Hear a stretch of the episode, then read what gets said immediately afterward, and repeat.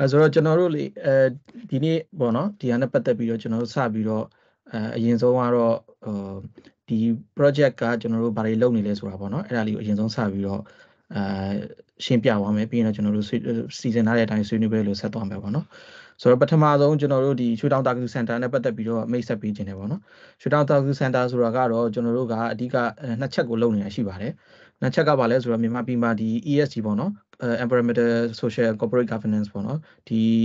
စီးပွားရေးလုပ်ငန်းတွေဒီလုပ်ငန်းအဲဒူမှုဒီ company တွေရဲ့ဒီ corporate တာဝန်ယူနဲ့ပတ်သက်ပြီးတော့နိုင်ငံတကာစံနှုန်းနဲ့အညီလှုပ်ဆောင်နိုင်မှုအတွက်အာအကြံပေးတဲ့အနေနဲ့ကျွန်တော်တို့လှုပ်ဆောင်နေပါတယ်ဆိုတော့အဲဒီနေရာမှာ company တွေကဒီကျွန်တော်တို့ပို့ပြီးတော့ဒီအခုန Apple ကပြသွားတဲ့ဗီဒီယိုလိုမျိုးပေါ့နော်ပို့ပြီးတော့ sustainable ဖြစ်အောင်လုပ်တဲ့နေရာမှာဒီ consultancy အနေနဲ့ကျွန်တော်တို့လှုပ်ဆောင်ပေးနေရရှိပါတယ်ဒုတိယတစ်ချက်ကတော့ကျွန်တော်တို့အဲဒီ ဟာပေါ့နော်ဒီ education for sustainable development မှာ sustainable development နဲ့ပတ်သက်ပြီးတော့ကျွန်တော်တို့အဲပညာပေးရဲ့လုပ်ငန်းတွေဆောင်ရွက်တဲ့ဟာပေါ့နော်ဒီနှစ်ခုအဓိကဥဆောင်ပြီးလုပ်နေတာဖြစ်ပါတယ်ဆိုတော့ဒီနေ့ကျင်းပတဲ့ပွဲကဒီကျွန်တော်တို့ဒုတိယတစ်ခုဖြစ်တဲ့ ESD ပေါ့နော်ဒီမြန်မာပြည်မှာ education for sustainable development နဲ့ပတ်သက်ပြီးတော့လူတွေကိုအသိပညာပေးလုပ်ငန်းတွေဆောင်ရွက်ဖို့ဆိုပြီးတော့လှုပ်ဆောင်နေတာဖြစ်ပါတယ်ဆိုတော့နောက်နောက်တစ်ချက်က ကျွန်တော်တို့ဒီရွှေတောင်တာကူစင်တာဆိုတာကတော့ကျွန်တော်တို့ကဒီဗမာမွတ်စလင်စကောလာတယောက်ဖြစ်တဲ့အဲတခင်ကြီးဦးနိုပေါ့နော်သူ့ကိုကျွန်တော်တို့ကအကုန်ပြုတ်ပြီးတော့ကျွန်တော်တို့ရွှေတောင်တာကူစင်တာကိုကျွန်တော်တို့အာအမိပေးမဲ့ခေါ်လာတာဖြစ်ပါတယ်သူကတော့ကျွန်တော်တို့ဒီဘိုးတော်ဖရားလက်ထက်တုန်းကဒီမြန်မာပြည်မှာဒီအဲဘောနော်ဒီဘိုးတော်ဖရားရဲ့အဲအနီးကလူယုံတယောက်လည်းဖြစ်တယ်ရန်ဘဲမျိုးဝင်ဖြစ်တဲ့ဆောင်ရွက်ခဲ့တယ်နောက်ပြီးတော့နိုင်ငံတကာအဆင့်ထီရောက်တဲ့ဒီသူတေသနာနဲ့ပတ်သက်တဲ့ဆေးပညာတခြား ဒီ research နဲ့ပတ်သက်တဲ့ဟာတွေကိုလည်းအများကြီးပြုစုခဲ့တဲ့တယောက်ဖြစ်ပါတယ်။ဒါကြောင့်မလို့ကျွန်တော်တို့သူ့ကိုဂုဏ်ပြုပြီးတော့ make ခေါ်လာတာဖြစ်ပါတယ်။ဆိုတော့အဲကျွန်တော်တို့စပြီးတော့ဒီ project မိတ်ဆက်လေးပေါ့နော်ကျွန်တော်ခုနပြောခဲ့သလိုဒီကျွန်တော်တို့ center လုံးနေတဲ့ဒုတိယတစ်ခုဖြစ်တဲ့ edu for st project ပေါ့နော်မြန်မာ society မှာကျွန်တော်တို့ education for society နဲ့ပတ်သက်ပြီးတော့ sustainability နဲ့ပတ်သက်ပြီးတော့လူငယ်တွေကိုပို့ပြီးတော့တက်မြောက်စွာနားလည်မှုရှိလာအောင်ဒါနဲ့ပတ်သက်ပြီးတော့အသိပညာပေးလုပ်ငန်းတွေကိုလှုပ်ဆောင်တဲ့ project ဖြစ်ပါတယ်ဆိုတော့ project မှာကျွန်တော်တို့ကအဓိကအဲ လှုပ်ဆောင်တဲ့ sustainability literacy ဆိုတာကတော့လူတစ်ယောက်ကအဲ sustainable နဲ့ပတ်သက်ပြီးတော့အသိပညာနေထိုင်မှုကျင့်ကြံမှုပုံစံဒါတွေနဲ့ပတ်သက်ပြီးတော့အဲသိရှိတတ်မြောက်တာကိုကျွန်တော်တို့ sustainability literacy လို့ခေါ်ပါတယ်နောက်တစ်ချက်အနေနဲ့အဲပြောရမယ်ဆိုတော့ကျွန်တော်ဒီမှာကျွန်တော် target အနေနဲ့သုံးခုထားရတာဖြစ်ပါတယ်ဆိုတော့ SDG target 4.7ပေါ့နော် SDG target 4.7အဲနောက်တစ်ခုကကြတော့ကျွန်တော်တို့ SDG target 12.8ပေါ့နော် နောက်တစ်ချက်ကကျတော့ SDG target 13.3ဒီသုံးခုလုံးက education for sustainable development ကိုဦးတည်တဲ့ target သုံးခုဖြစ်ပါတယ်ဆိုတော့ကျွန်တော်ဒီ target သုံးခုဦးတည်ပြီးတော့ဒီ sustainability literacy ကိုမြန်မာနိုင်ငံရဲ့လူငယ်တွေကြားထဲမှာတိုးမြင့်လာအောင်လှုပ်ဆောင်နေတာဖြစ်ပါတယ်ဆိုတော့ကျွန်တော်တို့ကဒီ EDU for SD project ကကျွန်တော်တို့ကနီးပညာအသုံးပြုတဲ့ ပုံစံနဲ့ချင်းကပ်ထားတာဖြစ်ပါတယ်ဆိုတော့ကျွန်တော်တို့ဘာတွေလုပ်လဲဆိုတော့ကျွန်တော်တို့ဒီအခုလို webinar တွေလုပ်တာရှိတယ် online နေပြီးတော့ဒီ sustainability literacy တိုးမြင့်လာအောင်ကျွန်တော် sustainable နဲ့ပတ်သက်တဲ့ topic တွေကိုကျွန်တော်တို့ဆွေးနွေးတင်ပြတာတွေရှိပါတယ်နောက်တစ်ခါကျတော့ကျွန်တော်တို့ YouTube မှာကျွန်တော်တို့ video တွေရှိမယ်နောက်တစ်ခါကျတော့ကျွန်တော်တို့ကဒီ project ကလုပ်ထားတဲ့အရာတွေအားလုံးကိုကျွန်တော်တို့ကဒီအဲကျွန်တော်တို့ဥရောပသမဂ္ဂရဲ့ ဒီ Zenodo platform ပေါ့နော်အဲ platform မှာကျွန်တော်တို့ကတရားဝင် register ပြုလုပ်ထားတာဖြစ်ပါတယ်အဲ့တော့ဒီ webinar တွေကအစအကုန်လုံးကျွန်တော်တို့ကဥရောပသမဂ္ဂရဲ့ဒီ database မှာကျွန်တော်တို့အဲဒါတွေအားလုံး register ပြုလုပ်ထားပြီးတော့အမျှဝေဖြန့်ဖြူးနေတာဖြစ်ပါတယ်ဆိုတော့ဒါကတော့ကျွန်တော်တို့ဒီ project နဲ့ပတ်သက်ပြီးတော့မိတ်ဆက်ပြီးတော့တာပေါ့နော်ဆိုတော့ဒါ project နဲ့ပတ်သက်ပြီးမိတ်ဆက်ပြီးပြီးနေရာမှာကျွန်တော်တို့ဒီနေ့ပွဲလေးကိုကျွန်တော်တို့စပြီးတော့အဲကျွန်တော် speaker လေးတွေကိုစပြီးဖိတ်ချင်ပါတယ်ဆိုတော့ပထမဆုံးကျွန်တော်ဖိတ်ချင်တဲ့ speaker ကတော့အဲကိုနေဦးလေပေါ့နော် ကိုနေဦးလင်ကဒါအဲအာဆီယံ associate engineer တယောက်ဖြစ်တယ်နောက်ပြီးတော့လက်ရှိမှာလည်းဒီ engineering နဲ့ပတ်သက်တဲ့လုပ်ငန်းတွေအများကြီးဆောင်ရွက်နေတယ်နောက်တစ်ခါကျတော့ကျွန်တော်တို့မြန်မာနိုင်ငံတော်အစစ်မှာဒါအဲတဘာပေါင်းချင်းသိမ်းနဲ့ပတ်သက်ပြီးတော့ပညာပေးလုပ်ငန်းတွေလှုပ်ရှားခဲ့ရရှိတယ်ပြီးတော့သူကဒါနဲ့ပတ်သက်ပြီးတော့လည်းဒီစောင်းပါတွေကစာရေးခဲ့တယ်ပေါ့နော်ကျွန်တော်စပြီးတော့ကိုနေဦးလည်းမိတ်ဆွေးချင်ပါတယ်နောက်တစ်ခါကျကိုကျော်မင်းထိုက်ကတော့ကျွန်တော်တို့အဲရှစ်တောင်အာရှလူငယ်အစီအစဉ် YCL ရဲ့11တယောက်လည်းဖြစ်တယ်နောက်ပြီးတော့ဒီ ပညာရေးလုပ်ငန်းတွေနဲ့ပတ်သက်ပြီးတော့ဒီအဲအများကြီးပေါ့နော်ဒီနိုင်ငံတကာအစည်းအဝေးပွဲတွေဆွေးနွေးပွဲတွေအများကြီးကိုတက်ရောက်ခဲ့တဲ့လူတွေဖြစ်ပါတယ်ဆိုတော့ကျွန်တော်ပထမဦးဆုံးအဲကိုနေဦးလင်ကိုစပြီးတော့အဲဖိတ်ချင်ပါတယ်ကိုနေဦးလင်ပေါ့နော်ကျွန်တော်တို့ဒီနေ့ပြောတဲ့စီမှာကျွန်တော်တို့အာစပြီးတော့သွားမယ်ခေါင်းစဉ်လေးရပါလဲဆိုတော့ ဒီ sustainability Quranic perspective on sustainability ပေါ့နော်ဒါနဲ့ပတ်သက်ပြီးတော့ဆရာကိုကျွန်တော်အလှည့်ပေးခြင်းပါတယ်ဒါဆရာအရင်ဆုံးဟာပေါ့နော်ဆရာအကြောင်းလေးဆရာမိတ်ဆက်ဆရာရှိရင်လည်းဆက်မိတ်ဆက်လို့ရပါတယ်အဲမဟုတ်ရင်လည်းကျွန်တော်ဘယ်လိုပုံစံမျိုးလေးဒီအဲဘယ်လိုခေါ်မလဲကျွန်တော် sustain Quranic perspective on sustainability ပေါ့နော် sustainability ဆိုတာဒီ Quranic ရှုထောင့်ကကြည့်မယ်ဆိုရင် foundation ကဘယ်လိုအဓိပ္ပာယ်ဖွင့်ဆိုလို့ရမလဲအဲ့ဒါလေးပြောပြပါဟုတ်ကျေးဇူးပါဟုတ်ကဲ့ပါအဲဒီနေ့ အဲအစီအစဉ်တက်ရောက်လာတဲ့ဒီအားလုံးပုံမှာဒါလာရှင်မဲ့ထံတော်မှာညီညွတ်တယ်မှုပေါင်းခါကြောင်းပါလေးကျွန်တော်ဥစ္စာကမှမျိုးဆက်တာလုပ်ပါတယ်အဲကျွန်တော်ကဟိုပါပါနေဦးလက်မှာအဲကျွန်တော် civil engineering နဲ့ပတ်သက်ပြီးတော့ဟို bachelor degree ပြီးထားပါတယ်နောက်မြန်မာနိုင်ငံ engineer council ကနေပြီးတော့မှဒီအဲ water supply and sanitation နဲ့ပတ်သက်ပြီးတော့ register engineer မှတ်ပုံတင်လက်မှတ်ရ engineer တူဖြစ်ပါတယ်အဲ့တော့ဒီနေ့ ဒီကိုတင်ဆိုင်အောင်လို့ကနေပြီးတော့မှဒီရွှေတောင်တကူစင်တာကနေပြီးတော့မှဒီကောင်းစင်ပေါ့လေဒီ Quranic perspective ဒီ sustainability နဲ့ပတ်သက်ပြီးတော့ဒါဖေးချလာတဲ့အတွက်လည်းဝမ်းသာပါတယ်အဲ့တော့ဟိုပြောရမယ်ဆိုရင်တော့ဒီမတ်တကတော့ဟို sustainability ပေါ့နောက်ဒုတိယတစ်ခုကတော့ဒီ sustainability အပေါ်မှာဒီကိုရန်ရဲ့အဲစုမြင်တုံ့တက်ချက်ပေါ့လေအဲ့တော့ဒီနေရာမှာကျွန်တော်ကိုရန်ဆိုတာလေးကိုနည်းနည်းလေးအဲပြောချင်ပါတယ်အဲ့ တော့ဒီအစီအစဉ်ကိုဟိုတက်ရောက်လာသူတွေပဲဖြစ်ဖြစ်ဒီအစီအစဉ်ပြီးလို့ဟိုဟို channel တွေမှာပြန်ပြီးတော့လွှင့်တဲ့အခါမှာပဲဖြစ်ဖြစ်ပေါ့လေအဲ့တော့ကိုရန်ဆိုတာဘာလဲဆိုတာကိုကျွန်တော်တို့ဟိုနည်းနည်းလေးကျွန်တော်နည်းနည်း intro ပြောချင်ပါတယ်အဲ့တော့ကိုရန်ဆိုတာကတော့ဒါအလားရှင်မြတ်ထံတော်ကနေပြီးတော့မှကျွန်တော်တို့လူသားတွေကိုဒါအဲဗျာဒိတ်တော်အနေနဲ့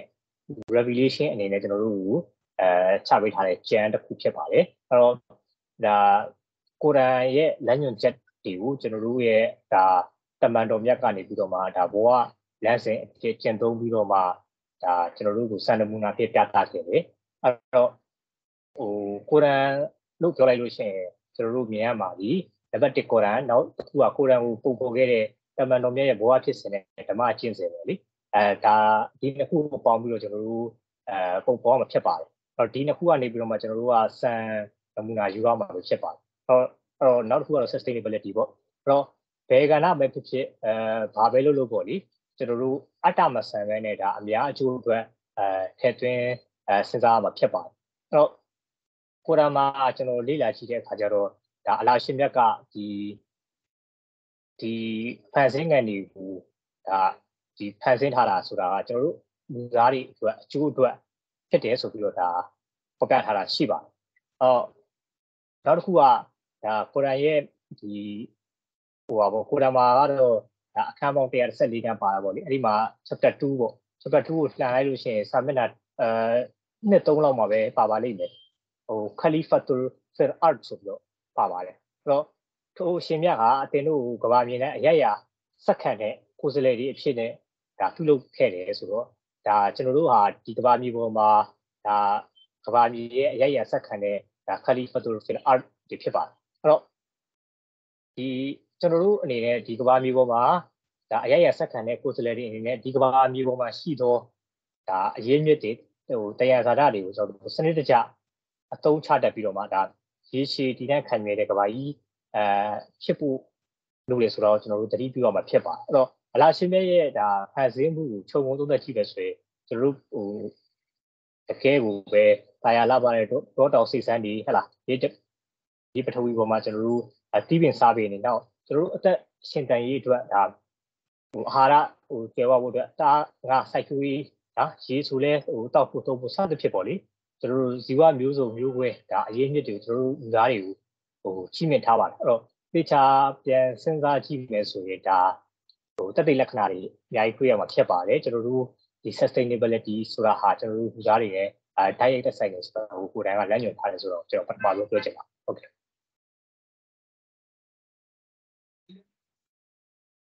ဟုတ်ဟုတ်ကဲ့ဟုတ်ကဲ့ပါဆရာတို့အဲ့ဆိုရင်လေကျွန်တော်အဲဆရာကျော်မင်းထိုက်ကိုအလှည့်ပေးချင်ပါတယ်ဆရာကျော်မင်းထိုက်ဒါနဲ့ပတ်သက်ပြီးတော့အဲအတိတ်ပဲဖွင့်ဆိုချက်ပေါ့နော်ဒါလေးတစ်ချက်လောက်ပြောပြပါဦး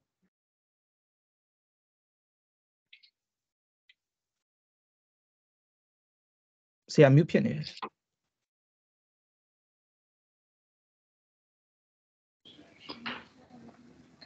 ဆိုတော့ ဟုတ်ကဲ့အားလုံးပဲမင်္ဂလာပါဒီမှာအခုရှိနေတဲ့သူတွေအားလုံးကိုလာရှင်မြတ်ထံတော်ဘာနဲ့ငြိမ်းချမ်းတရားမှုအဖြစ်ပဲကြားရောက်ပါစေလို့ဆုတောင်းပါတယ်ကျွန်တော်နာမည်ကျော်မင်းထိုက်ဖြစ်ပါတယ်ခုနကအဲဆရာတင်ဆိုင်အောင်မိတ်ဆက်သွားသလိုပဲကျွန်တော်က YC လေး11တယောက်ဖြစ်ပါတယ်ပြီးတော့ဒီအခုလက်ရှိတော့ကျွန်တော်ဒီကရာချီမှာရှိတဲ့တင်တော်ရဲ့ international ဟုတ်ကြားလိုက်ခင်ဗျဟုတ်ကဲ့ဆရာဆက်ပြောပါဟုတ် ဒီကရာချီမှာရှိတဲ့ဘင်နော်ရီ International University မှာကျွန်တော်ဒီ Islamic Science ပေါ့နော် Islam သိပ္ပံအထူးပြုပါတဲ့ရနဲ့ပညာသင်ယူနေတဲ့အကြောင်းသားတစ်ယောက်ဖြစ်ပါတယ်ခင်ဗျအဲ့တော့ခုနကဒီ principle เนาะဒီဒီကျွန်တော်တို့ sustainability နဲ့ပတ်သက်တဲ့ principle အကြောင်းပြောတော့တကယ်တော့အခုဆရာဦးနေဦးလင်ပြောသွားတဲ့ဟာဒီမှာတော်တော်လေးကိုအနှစ်သာရပါပြီးပါပြီတော်တော်လေးလည်းဟိုပြည့်စုံသွားပါပြီနောက်ပြီးတော့ဒီဆရာဦးနေဦးလင်ပြောသွားတဲ့အချက်ထဲရပဲဒီကျွန်တော်တို့က Quran လို့ပြောရင် Quran ဆိုတာဘာလဲလို့ဆိုတာနားလည်ဖို့က အရင်ရေးကြည့်တဲ့တစ်ချက်ကဘာလဲဆိုတော့တခုကတော့ Quran ရဲ့စာသားပေါ့နော်တခုကတော့ကျွန်တော်တို့ Quran ရဲ့စာသားနောက်တစ်ခုက Quran ရဲ့အနှစ်သာရအဲတော့ Quran ရဲ့အနှစ်သာရကိုကြည့်တဲ့အခါကျွန်တော်တို့ဘာကိုကြည့်ရလဲဆိုတော့ဒီ Quran ကိုကိုယ်တိုင်ကိုကြကျင့်သုံးပြခဲ့တဲ့ကျွန်တော်တို့ရဲ့နှစ်ဘဝတစ်ခွင်ကျေးဇူးတော်ရှင်တမန်တော်မြတ်ကြီးကိုကျွန်တော်တို့ကကြည့်ရတာပေါ့တကယ်အနှစ်သာရဆိုတာဘာလဲဆိုတော့တမန်တော်ကကျွန်တော်တို့အသေးစိတ်လမ်းညွှန်ခဲ့တာအဲ့တော့နာမည်အဖြစ် Quran လို့ပြောပြမယ်တကယ်တကယ် Quran ရဲ့စာသားက Quran ထဲမှာရှိတယ်ပြီးတော့ Quran ရဲ့ တကယ်အကျယ်ပြန်ပေါ့နော်အသေးစိတ်အနှစ်သာရကိုကြတော့ကျွန်တော်တို့တမန်တော်ကိုကြည့်ပြီးတော့နမူနာယူရတာပေါ့ဒါလေးတခုတော့ကျွန်တော်တို့ဟိုအဓိကနားလဲတဘောပေါက်ဖို့လိုပါတယ်ပေါ့နော်အဲနောက်တစ်ခုကဒီဟိုကဘာမြေပြင်မှာအခုနဆရာနေဦးလင်ပြောထားသလိုမျိုးပဲကျွန်တော်တို့ဖန်ဆင်းရှင်ရစပြီးတော့ဖန်ဆင်းလိုက်ကြတယ်ဟိုသုံးနှုံးတာဟိုဟိုတာမန်ဟိုဖန်ဆင်းကန်တာမန်ဟိုတဲ့ဖြစ်ဘာခေါ်လဲဒီတိုင်းရေရုပ်ဖန်ဆင်းကန်ဖြစ်မသုံးနှုံးမဲ့ကျွန်တော်တို့ကိုယ်စလဲတွေဆိုပြီးတော့သုံးနှုံးတယ်ခလီဖာဆိုပြီးတော့သုံးနှုံးတယ်အဲ့တော့အဲ့ဒီကိုယ်စလဲတွေဆိုပြီးတော့သုံးနှုံးတဲ့ခါကျတော့ ဟိုတချို့ကဒါကိုဘယ်လိုမျိုးနားလည်မှုလွယ်လဲဆိုတော့လူသားတွေကကိုယ်စလဲဖြစ်တယ်လူလူသားတွေကကိုယ်စလဲဖြစ်တယ်ဆိုရင်ကဘာမြေမှာလူသားတွေကလှုပ်ချင်တဲ့အလုံးလှုပ်လို့ရလာပေါ့ပြောချင်တာလူတယောက်ကိုကိုကလွှဲလိုက်ပြီးဆိုရင် तू လက်ထဲကိုအာဏာရောက်သွားပြီ supremacy ရောက်သွားပြီပေါ့လေ authority ရောက်သွားပြီဒါဆိုရင် तू ကကဘာမြေမှာဟိုရှိရှိတည်းများဟိုပျက်စီးရပျက်စီးကြောင်းအားလုံးလှုပ်လို့ရလာဆိုတော့ sort ကမျိုးရှိတယ်ဒီလို sort ကမျိုးဟိုကျွန်တော်လည်းတွေ့ပါတယ်ဒီ environment နဲ့ပတ်သက်ပြီးတော့နည်းနည်း research လုပ်တော့လေတကယ်တော့ဒီမှာပြောတဲ့ Khalifa ရဲ့ဆိုတဲ့အဓိပ္ပာယ်က ဟိုခုနပြောတဲ့ပျက်စီးရပျက်စီးကြောင်းလှုပ်လို့ရတယ်ဆိုတဲ့အဓိပ္ပာယ်လုံးဝမပါဘူး။ဘာကြောင့်လဲဆိုတော့ဒီမှာ तू က Khalifa ကဒါကဘာမြေလောကကိုကျွန်တော်တို့ကဒါဖျားသခင်ထံကနေတနည်းပြအလာရှိမြတ်သခင်အထံနေဆယ်လွတ်လိုက်တဲ့ Khalifa ဆိုတာကိုကျွန်တော်တို့ကနားလဲတယ်ဆိုရင်တော့ဒီကဘာမြေပြင်မှာရှိရှိဒီမှာဒီဖန်ဆင်းကအလာရှိမြတ်သခင်ဖန်ဆင်းထားတဲ့ဒီတောတောင်တွေရေမြေတွေနောက်တစ်ခါဒီကျွန်တော်တို့မြေချောင်းအင်းအိုင်တွေစသဖြင့်ဒါတွေအားလုံးနောက်တစ်ခါဒီလူတွေကြားမှာရှိတဲ့ပတ်သက်ဆက်နွယ်မှုတွေဒါတွေအားလုံးကိုကျွန်တော်တို့ကဖျားသခင်ဖန်ဆင်းထားတဲ့အတိုင်း အကောင်းဆုံးထိမ့်သိမ့်မှုတဲ့တောင်းဆိုတာဒီကိုယ်စလဲတွေမှာရှိတာအဲ့တော့ကျွန်တော်တို့ပြန်စဉ်းစားကြည့်ရဆိုတော့ကိုယ်စလဲတွေဆိုတာကဖြည့်ဆည်းတော်ဆိုတော့မဟုတ်ဘူးကိုယ်စလဲတွေဆိုတာငကိုဟိုငကိုမူရင်းရှိတဲ့ original ကိုကျွန်တော်အကောင်းဆုံးထိမ့်သိမ့်မှုတဲ့တောင်းဝင်ရှိတယ်အဲ့တော့ရှေ့ရှေ့မှာလည်းအသေးစိတ်တော့အများကြီးပြောကြတာပေါ့လေအဓိကဟိုဒီနေရာမှာခြုံပြီးပြန်ပြောရင်တော့ခုနဆရာနေဦးနဲ့ပြောတာလိုမျိုးပါပဲကျွန်တော်တို့ဒီလူသားတွေနဲ့ကျွန်တော်တို့တဘာဝပတ်ဝန်းကျင်ကြားမှာအဓိကတာဝန်အကြီးဆုံးပါလို့ဆိုကျွန်တော်တို့ကဒီတဘာဝပတ်ဝန်းကျင်ကိုအကောင်းဆုံးထိမ့်သိမ့်ပြီးတော့ဒီဒီတဘာဝပတ်ဝန်းကျင်မှာ ဟိုပျက်စီးရပျက်စီးကြောင်းတွေကိုအတက်နိုင်ဆုံး short ချပြီးတော့ဒီညမှာကျွန်တော်အခုလေးပြောချင်တဲ့ principle နောက်တစ်ခုကပါလဲဆိုတော့တခုရှိတာကလေဟိုတချို့ကြတော့အယူဆနှစ်ခုပေါ့နော်ဒီ environment နဲ့ပတ်သက်ပြီးပြောပြော sustainable စီနဲ့ပတ်သက်ပြီးတော့ပြောပြောအယူဆနှစ်ခုနှစ်ခုတွေ့ရတယ်တခုကပါလဲဆိုတော့ဒီလောကမှာရှိတဲ့ဒီ natural resources တွေပေါ့နော်တဘာဝအရင်းမြစ်တွေကိုလုံးဝကျွန်တော်တို့ကမထိနဲ့ကျွန်တော်တို့လူသားအနေနဲ့လုံးဝထိပိုင်ခွင့်မရှိဘူးဘယ်အရာမှကျွန်တော်တို့ကသုံးဆွဲပိုင်ခွင့်မရှိဘူး လုံးဝဒါဒီကျွန်တော်တို့ကျွန်တော်တို့ပါကျွန်တော်တို့ရက်တည်ရမယ်ဒီဟာတွေကိုကျွန်တော်တို့ကဘာမှအသုံးချခွင့်မရှိဘူးဆိုတဲ့အယူဆမျိုးရှိတယ်အစ္စလာမ်ကတော့ဒီလိုအယူဆမျိုးကိုအာမပေးဘူးဒါကတော့တစ်ချက်ပေါ့နော်အစ္စလာမ်ကကုရ်အာန်ရဲ့အယူဆရဲ့ဒီလိုအယူဆမျိုးအာမပေးဘူးအဲဒါပေမဲ့အဲနောက်တစ်ဖက်မှာနောက်တစ်ဖက်ကိုရောက်သွားတဲ့အစွန်းရောက်သွားတဲ့အယူဆပါလဲဆိုတော့ဒီခုနဟိုတချို့လူတွေစောရဂတ်တ်လိုမျိုးလူတွေကငါတို့လက်ထဲမှာအချုပ်ချာနဲ့အချုပ်ချာရှိတယ်အာနာရှိတဲ့တော့ကြောင့်မို့လို့လှုပ်ချင်တာလုပ်မယ်ပျက်စီးရပျက်စီးကြလုပ်မယ်ဒါမျိုးလေအစ္စလာမ်ကလက်မခံဆိုတော့ နှစ်ခုကဘာကိုကျွန်တော်အဓိကရှင်းပြချင်တာလဲဆိုတော့တစ်ခုက sustainable ဒီနောက်တစ်ခုက development အဲ့တော့ Islam ကနှစ်ခုစလုံးကိုဒုံတွဲပြီးတော့အားပေးတယ်ဆိုတာလေးကျွန်တော်ပထမဆုံးစကားအနေနဲ့ဟိုပြောချင်တယ်ပေါ့နော်။ဘာလို့ဒီ development ကိုစန့်ကျင်တဲ့အရာမဟုတ်ဟိုလုံးဝဘာမှမထိပါမကန်ရမတွေ့ရကျွန်တော်ဒီတိုင်းပဲနေရမှာဆိုဒါမျိုးလည်းမပြောဘူး development ကိုအရင်အားပေးတယ်။နောက်တစ်ဖက်မှာခုနလိုပေါ့နော်ဒီ environment sustainability လည်းအားပေးတယ်။ဆိုဒီနှစ်ခုလုံးကိုဟန်ချမ်းညီညီပြုလုပ်ချင်ရကုရ်အာန်ရဲ့တွင်တင်ကြတွင်တင်မှုဖြစ်တယ်ဆိုတော့ကျွန်တော်ပြောရင်းနဲ့ဒီစကားဒီအပိုင်းလေးမှာဒီလောက်ပဲပြောချင်ပါတယ်ခင်ဗျ။ကျေးဇူးပါဗျ။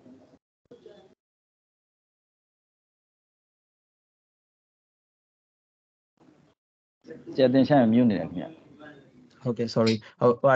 ဟုတ်ကဲ့ဆရာကျွန်တော်ကျွန်တော်ဒါဆရာတို့နှစ်ယောက်ပြောတဲ့ဟာကိုဒါအချင်းချုပ်လေးပြန်ချုပ်ရမယ်ဆိုရင်ဒါဆရာတို့ကပြောသွားတာက sustainability ဆိုတာကဒီ ကျွန်တော်တို့က development နဲ့စန့်ကျင်တာမဟုတ်ဘူးပေါ့နော်အဓိကပြောချင်တာဒါပေါ့တကယ်လဲကျွန်တော်တို့ရဲ့ sustainability မှာကျွန်တော်တို့အဓိက pillar ၃ခုရှိရပေါ့နော်အဓိကတောက်တိုင်၃ခုရှိရတောက်တိုင်၃ခုကဘာလဲဆိုတော့ကျွန်တော်တို့က environment environmental well being ပေါ့နော်တဘာပေါင်းခြင်းထိမ့်သိမ့်တာဒုတိယတစ်ချက်ကတော့ social well being ဒါလူမှုဘဝတာယာဝပြောရေးအတွက်တတိယတစ်ခုကတော့ကျွန်တော်တို့အဲဒီ economic well being ပေါ့နော်ဒါကျွန်တော်တို့က development ကိုလည်းကျွန်တော်တို့ကပြစ်ပယ်လိုက်တာမဟုတ်ဘူးကျွန်တော်တို့က development ကိုလည်းသွားမယ်ဒါပေမဲ့ sustainable ဖြစ်တဲ့ development ကိုသွားမယ်ပေါ့နော်ဒါကိုကျွန်တော်တို့ကဥတည်တာပါဟုတ်ကဲ့အဲ့တော့ကျွန်တော်ဒုတိယ round ပေါ့နော်ဆိုတော့ကျွန်တော်ဒီဒုတိယတစ်ချက်အနေနဲ့ကျွန်တော်ဆရာကျော်မင်းထိုင်နဲ့စကြင်ပါတယ်ဆရာကျော်မင်းထိုင်ဒုတိယချက်အနေနဲ့ပေါ့နော်အဲဆက်ပြီးတော့ကျွန်တော်ဒီ environmental point of view ကနေပြီးတော့အဲကိုရမ်မှာဘယ်လိုမျိုးလေးတွေ mention လုပ်ထားတာရှိလဲအဲ့ဒါလေးဆရာစဆွေးနွေးပေးပါဦး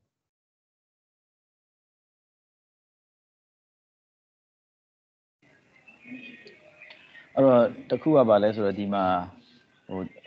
ကွာကျန်တဲ့မှာကွာထဲမှာလေအရန်စိတ်ဝင်စားဖို့ကောင်းတယ်ပြီးတော့အရန်လဲဟိုကျွန်တော်တို့တို့သင်္ကန်းရသင်္ကန်းစာယူစရာတခုကပါလဲဆိုတော့ဟိုလက်ရှိဆိုကျွန်တော်တို့ဒီဖွံ့ဖြိုးတိုးတက်လာတဲ့အမြစက်ယုံတွေများလာတယ်ပြီးတော့ဒီကနေပဲစွန့်ပစ်ပစ္စည်းတွေများလာတယ်အဲ့တော့စွန့်ပစ်ပစ္စည်းတွေကကျွန်တော်တို့ဘယ်မှာသွားပြီးဒီလိုကျွန်တော်တို့ရဲ့လူမှုဘဝပေါ့နော်ဒီကုန်းမှာရှိတဲ့အပင်တွေဘာတွေတင်ပျက်စီးမှုမဟုတ်တော့ဘဲနဲ့ဥတဖြည်းဖြည်းနဲ့ ဘယ်တဲ့အထိရောက်လာလဲဆိုတော့တကယ်ကိုပင်လယ်ထဲမှာရှိတဲ့နော်တကယ်ပင်လယ်တွေအထိပျက်စီးမှုတွေဖြစ်လာတယ်အဲ့တော့ပျက်စီးမှုတွေဖြစ်လာတယ်အဲ့တော့ဒီဟာတွေရဲ့ဆိုးကျိုးကဒီဟာတွေရဲ့မူရင်းကဘယ်မှာလဲသွားကြည့်တဲ့ခါကျတော့ခုနပြောတဲ့ ethic ethic ဘိုင်းဆိုင်ရာ ethic ကိုထည့်သွင်းမစဉ်းစားဘဲနဲ့ကိုရရင်ပြီးရောကိုတော့အကျိုးရှိရင်ပြီးရောကျန်တဲ့ဟာတွေဖြစ်ချင်တာဖြစ်ဆိုတဲ့အချို့တော့ဒီဝိတ္တမလောဘတာဒီစီးပွားရေးဓမ္မတွေကနေပြီးတော့နေဒီသူတို့ရဲ့ဟိုလုပ်ငန်းကနေထွက်လာတဲ့အညစ်အကြေးတွေစွန့်ပစ်ပစ္စည်းတွေကိုစနစ်ကျစွန့်ပစ်တာမျိုးမလုပ်ဘဲနဲ့ပင်လယ်တွေမှာလွယ်လွယ်ကူကူမျောလိုက်ကြတယ်အဲ့ တော့မျောမျောမျောလိုက်တဲ့အခါကျတော့ဒီပင်လယ်တွေမှာစပြီးတော့နေခုနလို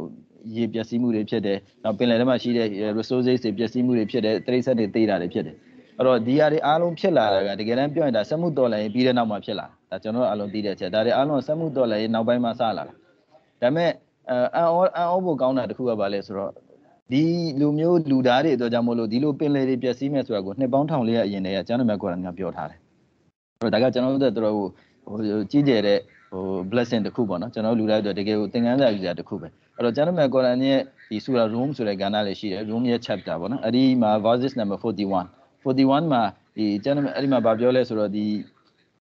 Zahara al-fasad fi al-barri wal-bahri ဆိုတော့ကျွန်တော်လူရင်းကိုပဲပြောလိုက်မယ်လူရင်းကဗာပြောဆိုလူတွေအတွက်ကြောင့်မို့လို့တဲ့ဒီမြစ်ချောင်းအင်းရိုက်နေပင်လယ်တွေလည်းပျက်စီးပျက်စီးတာတွေပေါ်လာလိမ့်မယ်နော်ပျက်စီးမှုတွေဖြစ်လိမ့်မယ်ဆိုပြီးတော့ပြောတယ်အဲ့တော့တကယ်တမ်းဟို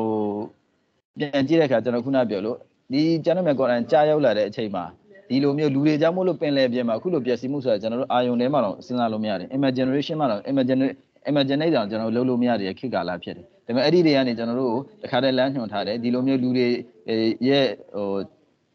ဘာခေါ်လဲကျွန်တော်တို့လောဘတတ်မှုတို့မဟုတ်လူတွေရဲ့ကိုကျင်တရားပြတ်ပြားမှုတွေကြောင့် ethic ချိုးဖောက်မှုတွေကြောင့်မို့လို့ဒီပင်လယ်တွေထိကျွန်တော်တို့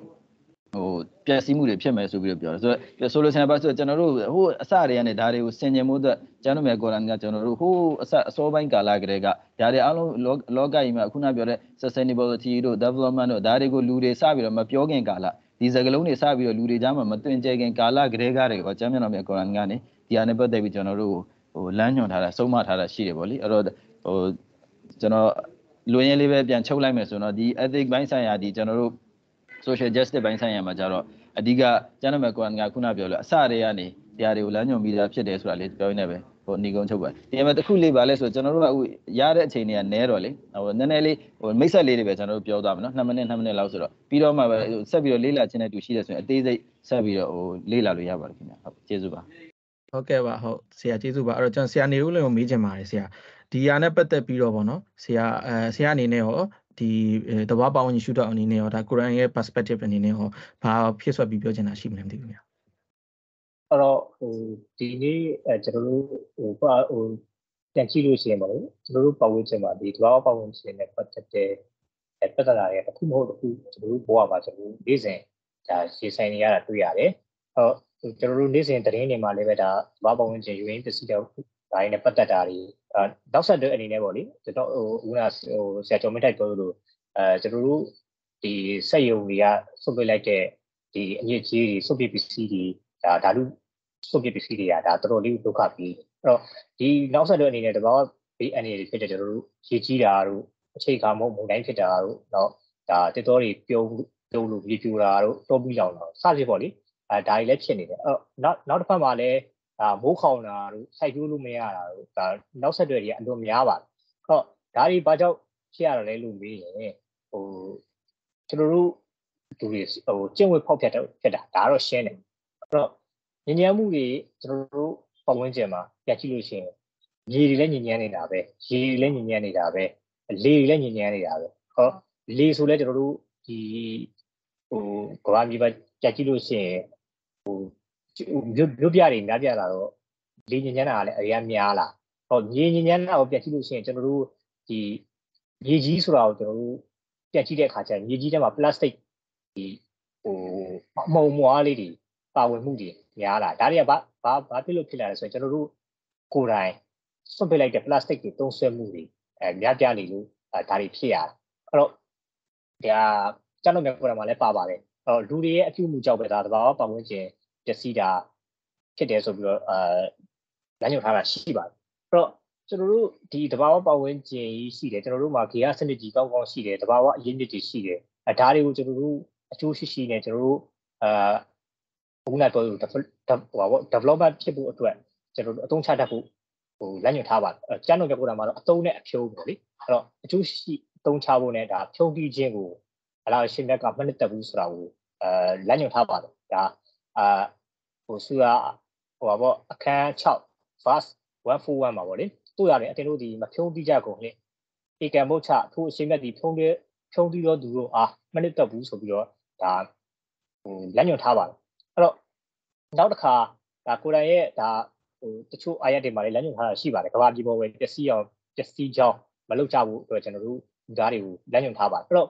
ဟိုမွတ်စလင်တယောက်အနေနဲ့ဒါဟိုအတစ်ပိုင်းနဲ့ပတ်သက်ပြီးတော့ပြောရမယ်ဆိုရင်ဟို မွတ်စလင်တယောက်ရဲ့ဒါဘောပြည့်စုံမှုဆိုတာအလားရှင်မြတ်ရဲ့ဒါခြေနဲ့နှစ်သက်မှုကိုမူတည်ပါတယ်အဲ့တော့အလားရှင်မြတ်ရဲ့ခြေနဲ့နှစ်သက်မှုဒီဒါအကြီးကျယ်ဆုံး reservoir လို့မြင်တဲ့လာရဲ့ actor ဆိုတာဒါမွတ်စလင်တယောက်ရဲ့ဒါဘောဖြစ်ပါတယ်အဲ့တော့ဒါဖြုံးတိတာတွေညဉ့်ညမ်းအောင်လုပ်တာတွေကဒါအလားမကြိုက်ဘူးဒါကြောင့်ကျွန်တော်တို့ဒီလိုမျိုးဘယ်ကဏ္ဍမှာမဆိုတော့လေဒါဖြုံးတိတာတွေညဉ့်ညမ်းအောင်လုပ်တာတွေကိုဒါအလားမကြိုက်တဲ့အတွက်ကျွန်တော်တို့ဒါအထူး သတိပြုဖို့လိုတယ်ဆိုတော့ဒါပါကျွန်တော်ဘာသာရေးရှုထောင့်အနေနဲ့ကျွန်တော်အဲရှုနေပါဟုတ်ကဲ့ဟုတ်ကဲ့ပါဟုတ်ကဲ့ဒါကျွန်တော်တို့အဲဆရာတို့ပြောသွားတဲ့အရာဆိုဒါကျွန်တော်တို့ကဒီသဘာဝပေါင်းရင်ထိန်းသိမ်းရေးနဲ့ပတ်သက်ပြီးတော့ဒါလမ်းညွှန်ချက်တွေပေါ့နော်ကိုးကားပြီးတော့ပြောသွားတာဒီနေရာမှာကျွန်တော်နည်းနည်းလေးဖြည့်ဆွက်ပြီးပြောရမယ်ဆိုရင်ဒါကုရ်အာန်ကအဲပေးထားတဲ့အဓိက principle တစ်ခုကပါလဲဆိုတော့ al mizan ပေါ့နော်ဒါမျှကြည့်ပေါ့ ဒါကျွန်တော်တို့ကအရင်အရေးကြီးပါတယ်ဒါတော့ကျွန်တော်တို့ကဒီအဲသုံးချက်ပေါ့နော်အခုန sustainability ဆိုတာကတကယ်တော့ပြောမယ်ဆိုရင် al mizan ပဲပေါ့နော်ဒါမျှကြည့်ကိုပဲသူညွှန်ထားတာကျွန်တော်တို့ကအအဓိက social အဲ environment နောက်ပြီးတော့ economic ဒီသုံးခုပေါ့နော်ကျွန်တော်တို့ကလူမှုစီးပွားအဲတဘာဝရေပေါ့နော်ကျွန်တော်တို့ပြောမယ်ဆိုရင်ဒီသုံးခုကိုကျွန်တော်တို့ကမျှကြည့်ဖြစ်ဖို့ဒီသုံးခုကိုကျွန်တော်တို့မျှကြည့်ဖြစ်ဖို့ရည်ကြည်လို့မယ်ကျွန်တော်တို့က sustainability ဆိုတာကတဘာဝပတ်ဝန်းကျင်နဲ့ဆန့်ကျင်နေတာမျိုးမဟုတ်တဘာဝပတ်ဝန်းကျင်ထိန်းသိမ်းနေဆန့်ကျင်နေတာမဟုတ်တဘာဝပတ်ဝန်းကျင်ကိုအားပေးတာကျွန်တော်တို့က development သွားမယ်ဒါပေမဲ့ sustainable ဖြစ်တဲ့ development sustainable ရဲ့ definition ကိုကျွန်တော်တို့ပြောမယ်ဆိုရင် sustainable ဆိုတာကကျွန်တော်တို့က development လုပ်မယ်ဒါပေမဲ့ကျွန်တော်တို့ development လုပ်ဖို့အတွက်ကိုကျွန်တော်တို့ကနောက်မျိုးဆက်ရဲ့အခွင့်အလမ်းတွေနောက်မျိုးဆက်ရဲ့ရသင့်ရထိုက်တဲ့ဟာတွေကိုကျွန်တော်တို့ကပိတ်သွားမှာမဟုတ်ဘူးပြောချင်တဲ့သဘောကကျွန်တော်တို့လက်ထက်မှာလည်းကျွန်တော်တို့တိုးတက်အောင်လုပ်မယ်ဒါပေမဲ့ကျွန်တော်တို့က resource တွေရင်းမြစ်တွေကိုကျွန်တော်တို့ကနောက်မျိုးဆက်အတွက်ထပ်ပြီးတော့သုံးဆွဲခွင့်ရအောင်လည်းကျွန်တော်ခြံပေးခဲ့မှာပေါ့နော်ဆိုတော့ဒီသဘောတရားပါဒါအခုနဆရာတို့ပြောလို့ highlight လုပ်သွားတဲ့ဒီ Quranic perspective နဲ့ဒါလုံးဝအဲကွက်တီပေါ့နော်ဆိုတော့ကျွန်တော်ဒုတိယတရောင်းကိုသွားချင်ပါတယ်နောက်တရောင်းအနေနဲ့ဆရာနေဦးလို့ကျွန်တော်မေးချင်ပါတယ်ဒီ social justice နဲ့ပတ်သက်ပြီးတော့ဘာလို့ဆိုကျွန်တော်တို့ကပြောသွားဒီသုံး concept သုံးခုမှာ social justice ကလည်းတစ်ခုပါတာပေါ့နော် social well being ဆိုတော့ဒါ social well being social justice နဲ့ပတ်သက်ပြီးတော့ဆရာဘယ်လိုအဲပြောချင်တယ်မသိဘူးဆရာအဲ့တော့ဟိုဟိုအစ္စလာမ်ရဲ့ဒါလူလူရေးမန်တိုင်မှာအဓိကနှစ်ချက်ပေါ်မှာ အခြေခံတာပေါ့လေအခုကတော့အဒလုခေါ်တဲ့ဒါတရားမျှတမှုပေါ့မျှမျှတမှုမှာအခြေခံတယ်နောက်တစ်ခုကတော့ A ဆန်ဆိုတဲ့လူသားဆန်မှုပေါ့အဲ့တော့ကျွန်တော်တို့အတိုင်းဝိုင်းမှာကျွန်တော်တို့ကိုကိုယ်တိုင်ပေါ့လေဒါတရားမျှတမှုနဲ့လူသားဆန်မှုဖြစ်တဲ့အဒလ်နဲ့ A ဆန်ဒီရှိလာတဲ့ဆိုရင်ဒါကျွန်တော်တို့ရဲ့ဒါဟိုပတ်ဝန်းကျင်ကျွန်တော်တို့ရဲ့လူလူမှုအဖွဲ့အစည်းဟာတော်တော်လေးကိုဒါကောင်းမွန်တဲ့လူမှုအဖွဲ့အစည်းလို့ကျွန်တော်တို့ပြောလို့ရအဲ့တော့ဒီဆိုတာကတော့ဟိုဘလို့မှတတိတရဟို တူတယောက်ထဲဒါနေထိုင်လို့မရဘူးအဲ့တော့လူနဲ့လူပတ်ဝန်းကျင်လူနဲ့တဘာဝပတ်ဝန်းကျင်ဆိုတာကတော့အပြန်အလှန်ပေါ့လေကိုင်းကျူးမိတွန်းကိုင်းမိဟိုဆက်ဆက်နေတာပဲအဲ့တော့ဒီနေရာမှာကျွန်တော်တို့အဲကျန်းတော်မြတ်ကိုယ်တိုင်ကလမ်းညွှန်ထားတာကကျွန်တော်တို့လူပါဝင်ခြင်းလူအတိုင်းဝိုင်းမှာပြောဆိုဆက်ဆံလိုက်နိုင်ရမယ်အကျင့်ဝတ်တွေဝတ်တရားတွေဒါတွေကိုကျွန်တော်ပြဋ္ဌာန်းထားတာရှိတယ်လို့လူတို့ဦးချင်းလိုက်နိုင်ရမယ်အဲတာဝန်နဲ့ဝတ်တရားတွေကိုကျွန်တော်ပြဋ္ဌာန်းထားတာကျွန်တော်တွေ့ရပါတယ်အဲ့တော့မွတ်စလင်တယောက်အနေနဲ့ကတော့အဓိက ဒါတာဝန်တွေရှိပါတယ်ဟောဖန်ဆင်းရှင်ဖြစ်တဲ့အလားရှိမနဲ့ပတ်သက်တဲ့ဟိုကိုကုလာပေါ့နောက်တစ်ခုကတော့ဒီဖန်ဆင်းခံဖန်ဆင်းခံဆိုတဲ့နေရာမှာကျွန်တော်တို့ဒါတက်ရှိတက်မဲ့ပေါ့လေအဲတရိတ်ဆိုင်နဲ့ပတ်သက်တာတွေနောက်တဘာပတ်ဝန်းကျင်နဲ့ပတ်သက်တာတွေဆိုလိုတာဝိနည်းအလုံးနဲ့ပတ်သက်တဲ့ဒါဟိုကိုကိုအီဘတ်လို့ခေါ်တဲ့တာဝန်ဝတ္တရားတွေဆိုပြီးတော့အကြမ်းမြင့်ရှိပါအဲ့တော့မွစင်တယောက်ကဒီတာဝန်နှစ်ရက်လုံးမှာဟိုဟိုလက်ခင်းလို့မရပါဘူးအဲ့တော့ အဲလူနဲ့လူပတ်ဝန်းကျင်ဆိုလည်းပဲကျွန်တော်တို့ဒါဆွေမျိုးသားချင်းနဲ့ပတ်သက်တာတွေကိုမိသားစုနဲ့ပတ်သက်တာတွေအိဒီနာချင်းနဲ့ပတ်သက်တာတွေအဲဒါတွေဟာဒီဒီပေါ်တွေမှာလည်းကျွန်တော်တို့ညံ့ညံ့တတာရှိဖို့အဲလိုပါတယ်အဲ့တော့ကျန်တော်မြတ်ကိုယ်တိုင်တစ်ခုလုံးပြန်ကြည့်လို့ရှိရင်ကျန်တော်မြတ်ကိုယ်တိုင်ကလမ်းညွှန်ထားတာလည်းပဲကျန်တော်မြတ်ကိုယ်တိုင်ဒီတရားမျှတမှုနဲ့ပြည့်စုံတဲ့ကျမ်းဖြစ်တယ်ဆိုပြီးတော့ဒါကိုယ်တိုင်မှာအလာရှင်မြတ်ကလမ်းညွှန်ထားတာရှိပါတယ်အဲ့တော့ကိုယ်တိုင်ကလမ်းညွှန်ချက်တစ်ခုကဘာလဲဆိုတော့လူတွေအားလုံးကအတူတူပဲ အဲ့တော့လူသားအားလုံးကအတူတူပဲဖြစ်တယ်အဲ့တော့တမန်တော်မြတ်ရဲ့နောက်ဆုံး hash မိကုန်းမှာလည်းပါပါတယ်အဲ့တော့လူပြူဟာလည်းလူမဲထက်မတာဘူးလူမဲဟာလည်းလူပြူတက်မတာဘူးအာရတီလည်းအာရမဟုတ်သူတဲ့တာလုံးမြတ်တာမရှိဘူးအာအာရမဟုတ်သူကလည်းဒီအာရထတာလည်းတာလုံးမြင့်မြတ်တာမရှိဘူးဆိုပြီးတော့လက်ညွှန်ထားပါတယ်အဲ့တော့ဘသူကအမြင့်နဲ့ဆုံးလဲလို့မေးရင်ဒါအလားအရှင်မြတ်ကိုအဲကြောက်ရိုသေပြီးတော့မှ ဒီတက္ကဝတရားရှိတဲ့သူဒီဒါအမြင့်နဲ့ဆုံးဆိုတာကဒါအစ္စလာမ်ရဲ့ဟိုရှုရှုတော့မှရှိပြီးသားပါအဲ့တော့ကျွန်တော်တို့မှာဘုန်းကအသက်ဘာပဲဖြစ်ဖြစ်ကျွန်တော်တို့တရားမျှတမှုကဏ္ဍမှာပဲဖြစ်ဖြစ်ကျွန်တော်တို့အလားတိစိတ်တက္ကဝတရားကိုလက်ကင်ပြုထားမယ်ဆိုရင်ကျွန်တော်တို့ sustainability ကောကောအဲဒီဆောက်လို့ရမှာဖြစ်ပါအဲ့တော့ဟိုတရားမျှတမှုနဲ့ပတ်သက်ပြီးတော့ကျွန်တော်တို့အဲပြတ်ချုပ်ရမယ်ဆိုတော့ကျွန်တော်တို့အဲတူးချင်းမှာပဲဖြစ်ဖြစ်ဒီသာစုတင်မှာပဲဖြစ်ဖြစ်ကျွန်တော်တို့ ဒါစီးပွားရေးလုပ်တဲ့ခါမှာပဲဖြစ်ဖြစ်နောက်ဆုံးအိမ်တော်ရေးမှာပဲဖြစ်ဖြစ်တရားမျှတမှုရှိရမှာဖြစ်ပါအဘက်ဘက်မှာတရားမျှတမှုရှိရမှာဖြစ်ပါအဲ့တော့မတရားမှုလုပ်တဲ့သူတွေကိုလည်းပဲဒါအလားရှင်းမြတ်က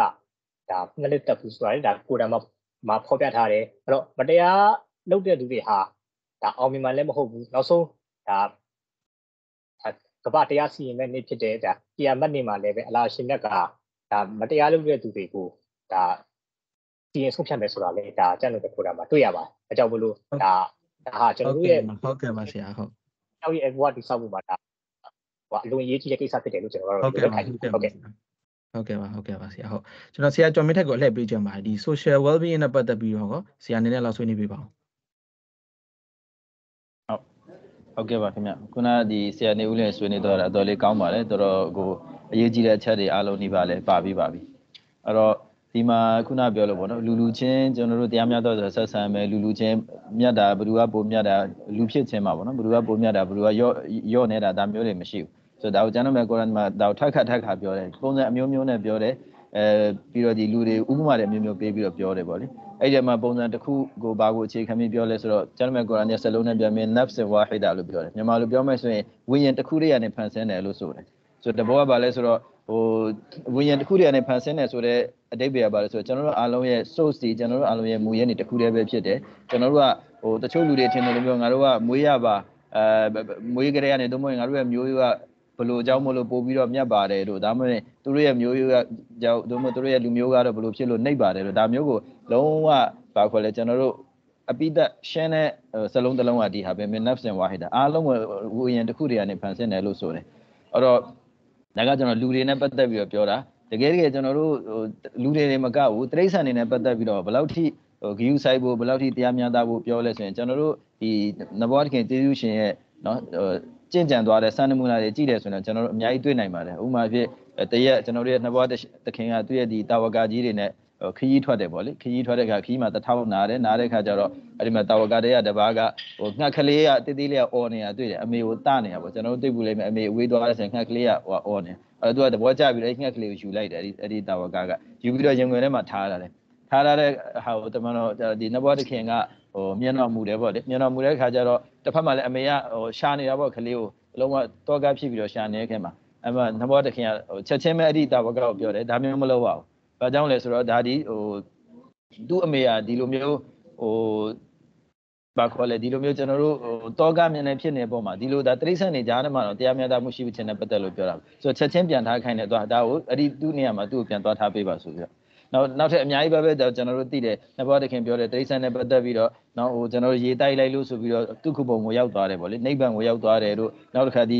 ဒီတိရစ္ဆာန်ကိုဟိုပဲညှင်းဆဲလိုက်လို့ဆိုပြီးတော့ကျွန်တော်တို့ဟိုငရေကိုရောက်သွားတယ်တို့ဒါကဒီတိရစ္ဆာန်နဲ့ပတ်သက်ပြီးတော့ပြောတာဆိုတော့အပင်နေနဲ့ပတ်သက်ပြီးတော့ပြောတော့ဗာရှိလို့ဆိုတော့အပင်နေနဲ့ပတ်သက်ပြီးတော့လေထိုနည်းလောက်မယ်နဘောတခင်ရဲ့လမ်းညွှန်ချက်ထဲမှာအဲဘာတစ်ခုမှလဲဆိုတော့နောက်ဆုံးနဲ့ဟိုကျွန်တော်တို့ကကဘာပြတ်တဲ့အချိန်ရောက်လာတယ်ဗောနော်ကဘာပြတ်တဲ့အချိန်ရောက်လာတဲ့အခါမှာတဲ့ အကယ်၍လက်ထဲမှာအပင်ပင်ရှိတယ်ဆိုရင်နမူနာနဲ့နဲ့ပြောတာလက်ထဲမှာအပင်ပင်ရှိတယ်အဲ့ဒီအပင်ကိုစိုက်လို့မှီသေးတယ်ဆိုရင်ဒါကျွန်တော်ဆိုလိုရင်းလေးကိုပြောပြတာကဘာဒီလောက်ကဘာပြတ်တယ်ဆိုရင်အားလုံးသိတဲ့အတိုင်းအားလုံးပြောင်းဆန်နေတဲ့အချိန်လူဆိုတာဘာဆိုဘာမှမသိတော့တဲ့အချိန်ကိုယ့်ရဲ့မွေးထားတဲ့သားသမီးကိုယ့်မွေးထားတဲ့မိခင်ဘာဆိုဘာမှကျွန်တော်တို့ခေါင်းထဲမှာမရှိတော့မဲ့အချိန်မှတော့မှဘာပြောလဲဆိုတော့အဲ့ဒီအပင်စိုက်လို့ရစိုက်ဖို့တော့အချိန်ကြံတယ်ဆိုရင်အပင်စိုက်ပါလို့ဆိုတယ်ဆိုဒါတွေကဘာကိုပြောချင်တာလဲဆိုတော့ဒီသုံးခုလောက်ပြန်ခြုံကြည့်လိုက်မယ်ဆိုရင်ကျွန်တော်တို့ကလူလူချင်းကြားမှာလည်းတရားမျှတမှုရှိဖို့လိုတယ် လူမဟုတ်တဲ့တခြားသောဖန်ဆင်းကနေပေါ့နော်ဒီတိရစ္ဆာန်တွေကြားမှာလည်းကျွန်တော်တို့အပြည့်အဝတရားမျှတမှုရှိဖို့လိုတယ်နောက်တစ်ခါလူလည်းမဟုတ်တိရစ္ဆာန်လည်းမဟုတ်တဲ့အပင်တွေအပင်တွေနဲ့ပတ်သက်ပြီးတော့လည်းကျွန်တော်တို့အလွန်အင်မတန်တရားမျှတမှုရှိဖို့လိုတယ်ဆိုတာလေးကိုကျွန်တော်ပြောရင်းနဲ့ဟုတ်ဒီကဏ္ဍကိုဒီလောက်ပါလို့ခင်ဗျကျေးဇူးဟုတ်ကဲ့ပါဆရာဟုတ်ဒါကျွန်တော်ဆရာတို့နှစ်ယောက်ပြောတဲ့အချက်တွေကိုကျွန်တော်ပြန်ချုပ်ရမယ်ဆိုရင်အဓိကကျွန်တော်ကိုရန်ရဲ့အာယတ်နှစ်ခုနဲ့ချုပ်ချင်ပါတယ်နံပါတ်1ကပါလဲဆိုတော့ကိုရီးယန်အာယက်ကျွန်တော်တို့55ခုနှစ်နဲ့55ရှစ်ပေါ့နော် 55ခုနှစ်နဲ့55ရှစ်မှာဘာပါလဲဆိုရင်ကျွန်တော်တို့ကဒီအဲလာရှင်မြက်ကဒီမူကောင်းငင်ကိုဖန်ဆင်းနေမှုတွေအတိုင်းထားအချိန်တွေကိုဖန်ဆင်းတော်မူတယ်ပေါ့နော်ပြီးတော့ဒီဟာတွေကိုဖန်တီးဖန်တီးရဲ့အကြောင်းရင်းကလည်းဘာလဲဆိုတော့အဲဒီ justice ပေါ့နော်ဒီအတိုင်းထားသတ်မှတ်ချက်တွေကိုမကြော်လွန်စေဖို့ အဲ့တော့ကျွန်တော်တို့ကအခုနဆရာတို့ပြောသွားတဲ့အချက်နှစ်ချက်ကိုကျွန်တော်ဒီအာရနှစ်ခုနဲ့ညီကုန်းချုပ်ချင်တာကဘာကြောင့်လဲဆိုတော့ကျွန်တော်တို့ကလူသားတယောက်အနေနဲ့လူဘဝမှာရှင်တန်ရက်တည်တဲ့နေရာမှာကျွန်တော်တို့ကပေးထားတဲ့ boundary သတ်မှတ်တဲ့စီးမြင့်တွေရှိတယ်ဒီစီးမြင့်တွေအတိုင်းကျွန်တော်တို့ကနေထိုင်မှုလိုအပ်တယ်ကျွန်တော်တို့ကတရားမျှတမှုကိုဖော်ဆောင်မှုလိုအပ်တယ်ကျွန်တော်တို့ကလူသားတယောက်ရဲ့အခွင့်အရေးတစ်ခုတည်းကိုပဲကျွန်တော်တို့ကကြည်ပြီးတော့ကျွန်တော်တို့ကကြံတဲ့အဲလောက်ရှင်မဲ့ဖန်ဆင်းကန်တွေလို့ပြောလို့ရမယ်ကျွန်တော်တို့ဒီမိုးကောင်းငင်တဘာဝတရားဒါဒီအားလုံးကျွန်တော်တို့က သွားပြီးတော့ထိခိုက်နေတာကိုလောက်ခွင့်မရှိဘူးဆိုတာကိုကျွန်တော်တို့ကညီကုန်းချုပ်လို့ရတယ်ပေါ့နော်ဟုတ်ဆိုတော့ကျွန်တော်နောက်တစ်ချက်အနေနဲ့ကျွန်တော်ပြောချင်တာကကျွန်တော် environmental ပြောပြီးပြီကျွန်တော် social ပြောပြီးဆိုတော့နောက်ဆုံးတစ်ခုဖြစ်တဲ့ economic ပေါ့နော်အဲကျွန်တော်တို့ကဒီခေတ်မှာကျွန်တော်ဖွံ့ဖြိုးတိုးတက်ဖို့လိုအပ်တယ်ကျွန်တော်တို့မှာ development လိုအပ်တယ်ဘာကြောင့်လဲဆိုတော့ကျွန်တော်တို့က ကမ္ဘာပေါ်မှာအဲဖွံ့ဖြိုးတိုးတက်နိုင်ငံတွေပဲကြည်လိုက်ကျွန်တော်တို့နိုင်ငံကိုပဲကြည်လိုက်အများစုကကျွန်တော်တို့ဖွံ့ဖြိုးတိုးတက်နိုင်ငံတွေကိုသွားအလုပ်လုပ်ချင်တယ်ကျွန်တော်တို့အင်ဂျီနီယာနိုင်ငံတွေကိုလည်းကြည်လိုက်အားလုံးကဖွံ့ဖြိုးတိုးတက်နိုင်ငံတွေကိုသွားအလုပ်လုပ်ချင်တယ်ဒါပေမဲ့စိတ်မကောင်းစရာတစ်ခုကကျွန်တော်တို့ဒီအဲကမ္ဘာပေါ်မှာပေါ့နော်ကျွန်တော် global south လို့ခေါ်တဲ့ကမ္ဘာတောင်ကြားမှာရှိတဲ့နိုင်ငံတွေကအများအဖြစ်က အဲဖွံ့ဖြိုးတိုးတက်မှုမှာနောက်ကျကျန်နေခဲ့တာရှိတယ်ပေါ့နော်ဒါကျွန်တော်တို့မြန်မာပြည်ဆိုတဲ့ကမ္ဘာတောင်ကြားမှာရှိတဲ့နိုင်ငံတစ်နိုင်ငံပေါ့အဲ့တော့ကျွန်တော်ဆရာကျော်မင်းထက်ကိုပြန်စကြင်တာပေါ့နော်ဒီ environmental sorry ဒီ economic perspective ပေါ့နော်ဖွံ့ဖြိုးတိုးတက်ရေးနဲ့ပတ်သက်တဲ့စီးပွားရေးရှုထောင့်ကနေရောဘယ်လိုမျိုးအဲကိုရန်ကလမ်းညွှန်ထားတာရှိလားဟုတ်ကဲ့ခင်ဗျဒီဟိုကျွန်တော်တို့အစမှပြောခဲ့သလိုမျိုးပဲဒီ စီးပွားရေးကဏ္ဍနဲ့ပတ်သက်ပြီးတော့ဒီ sustainability ကို environment ကိုအကြီးဆုံးဒုက္ခပေးတာကဆရာနေဦးလည်းပြောသွားတယ်ဒါလောဘတွေပေါ့နော်ပြီးတော့ဒါဒီကျင့်ဝတ်ဖောက်ဖျက်မှုတွေပေါ့ ethic ဘိုင်းဆိုင်ရာမလိုက်နာမှုတွေဒါတွေကအဓိကဟိုဖြစ်စေတာအဲ့တော့ဒါတွေကိုတားဆီးဖို့အတွက်ကျမ်းတော်မြတ်ကောရန်ကဘယ်လိုအဆုံးအမမျိုးပြောထားတယ်လို့ပြောရင်အဲကျမ်းတော်မြတ်ကောရန်ရဲ့ chapter 4ပေါ့နော်အဲ verses number 29မှာဘာပြောလဲဆိုတော့ယာအယွယ်လဒီနာအာမနုလာတကူလူအမွာလကုမ်ဘိုင်နကုမ်ဘီလ်ဘာဒ်အဓိပ္ပာယ်ကဘာလဲဆိုတော့ ကျွန်တော်ဒီလူသားတွေကိုကျွန်တော်တို့ဒီအီမန်ယုံကြည်သူတွေကိုအဓိကဆုံးမနေတယ်အတင်တို့အချင်းချင်းကြားမှာတဲ့မတရားတော့နီးလက်နဲ့ဒီနေ့မှာဘာတူဆိုတဲ့စလုံးတုံးတာတဘောကဘာတူဆိုတဲ့စလုံးရဲ့အတိပ္ပယ်တွေအများကြီးပဲမတရားတာကိုလည်းပြောတယ်တမအာဇီဝမကြတာကိုလည်းပြောတယ်ဒုမဟုတ်ရိုးသားမှုမရှိတာကိုလည်းပြောတယ်အဲ့တော့ဒီလိုမျိုး negative sun နဲ့ဒီ negative sun ရှိတဲ့နီးလန်းတွေကိုအတုံးချပြီးတော့ねအတင်တို့ကြားမှာဟို ပစ္စည်းဥစ္စာတွေကိုမစားသုံးနဲ့တဘောကဒီခေတ်စကားနဲ့ပြောကိုခေတ်ကတော့ပစ္စည်းဥစ္စာကိုစားသုံးတယ်လို့သုံးတာဗျာဒီခေတ်စကားနဲ့ပြောနေကျွန်တော်တို့စီးပွားရေးလုပ်တဲ့ခါမှာအမျက်တွေကိုမယူကြနဲ့တို့မဟုတ်ရင်လည်းဒီလိုမျိုးမတရားတဲ့နီလန်းတွေမမှန်ကန်တဲ့နီလန်းတွေကျင့်ဝတ်တိတ်ခါဖောက်ဖျားတဲ့နီလန်းတွေနဲ့စီးပွားရေးလုပ်ခြင်းကိုလုံးဝမပြုလုပ်ကြနဲ့ဆိုပြီးတော့တာစီတော်တော်ကိုပြင်းပြင်းထန်ထန်တားမြစ်ထားတာရှိတယ်အဲ့လိုမျိုးအနောက်မှာဆက်ပြောတယ်အလအန်တကူနာတေဂျာရတင်အန်တရာဒင်မင်ကွမ်အတင်တို့အချင်းချင်းမှာတကယ်ကိုကြည်ကြည်နက်နက်နဲ့နှစ်ဦးတဘောသူကျင့်납ပြီးတော့စီးပွားရေးရောင်းဝယ်မှု ကိုတော့လှုပ်ခွင့်ပေးတယ်အဲ့လိုလှုပ်ချင်းမှအပတခြားနီလန်းနဲ့ခုနပြောတဲ့အဖျက်အမောက်နီလန်းနဲ့အားလုံးကိုပြပြထန်တားမြစ်ထားတယ်ဒါကဒီနေရာမှာကျင့်တတ်တော်နီလန်းနဲ့စီးပွားအပြန်လန်ကျင့်တတ်တော်နီလန်းနဲ့ရောင်းဝယ်ဖောက်ကားမှုကိုခွင့်ပြုတယ်ဆိုတဲ့တဘောကလည်းဒါပဲလူတယောက်ကဟိုနှစ်ဖက်စီးပွားရေးလုပ်တယ်အလုပ်တမနဲ့အလုပ်ရှင်ဖြစ်ဖြစ်တို့မဟုတ်လဲတနိုင်ငံနဲ့နောက်ထပ်တနိုင်ငံယင်းနှိမ့်နှံမှုဖြစ်ဖြစ်တို့မဟုတ်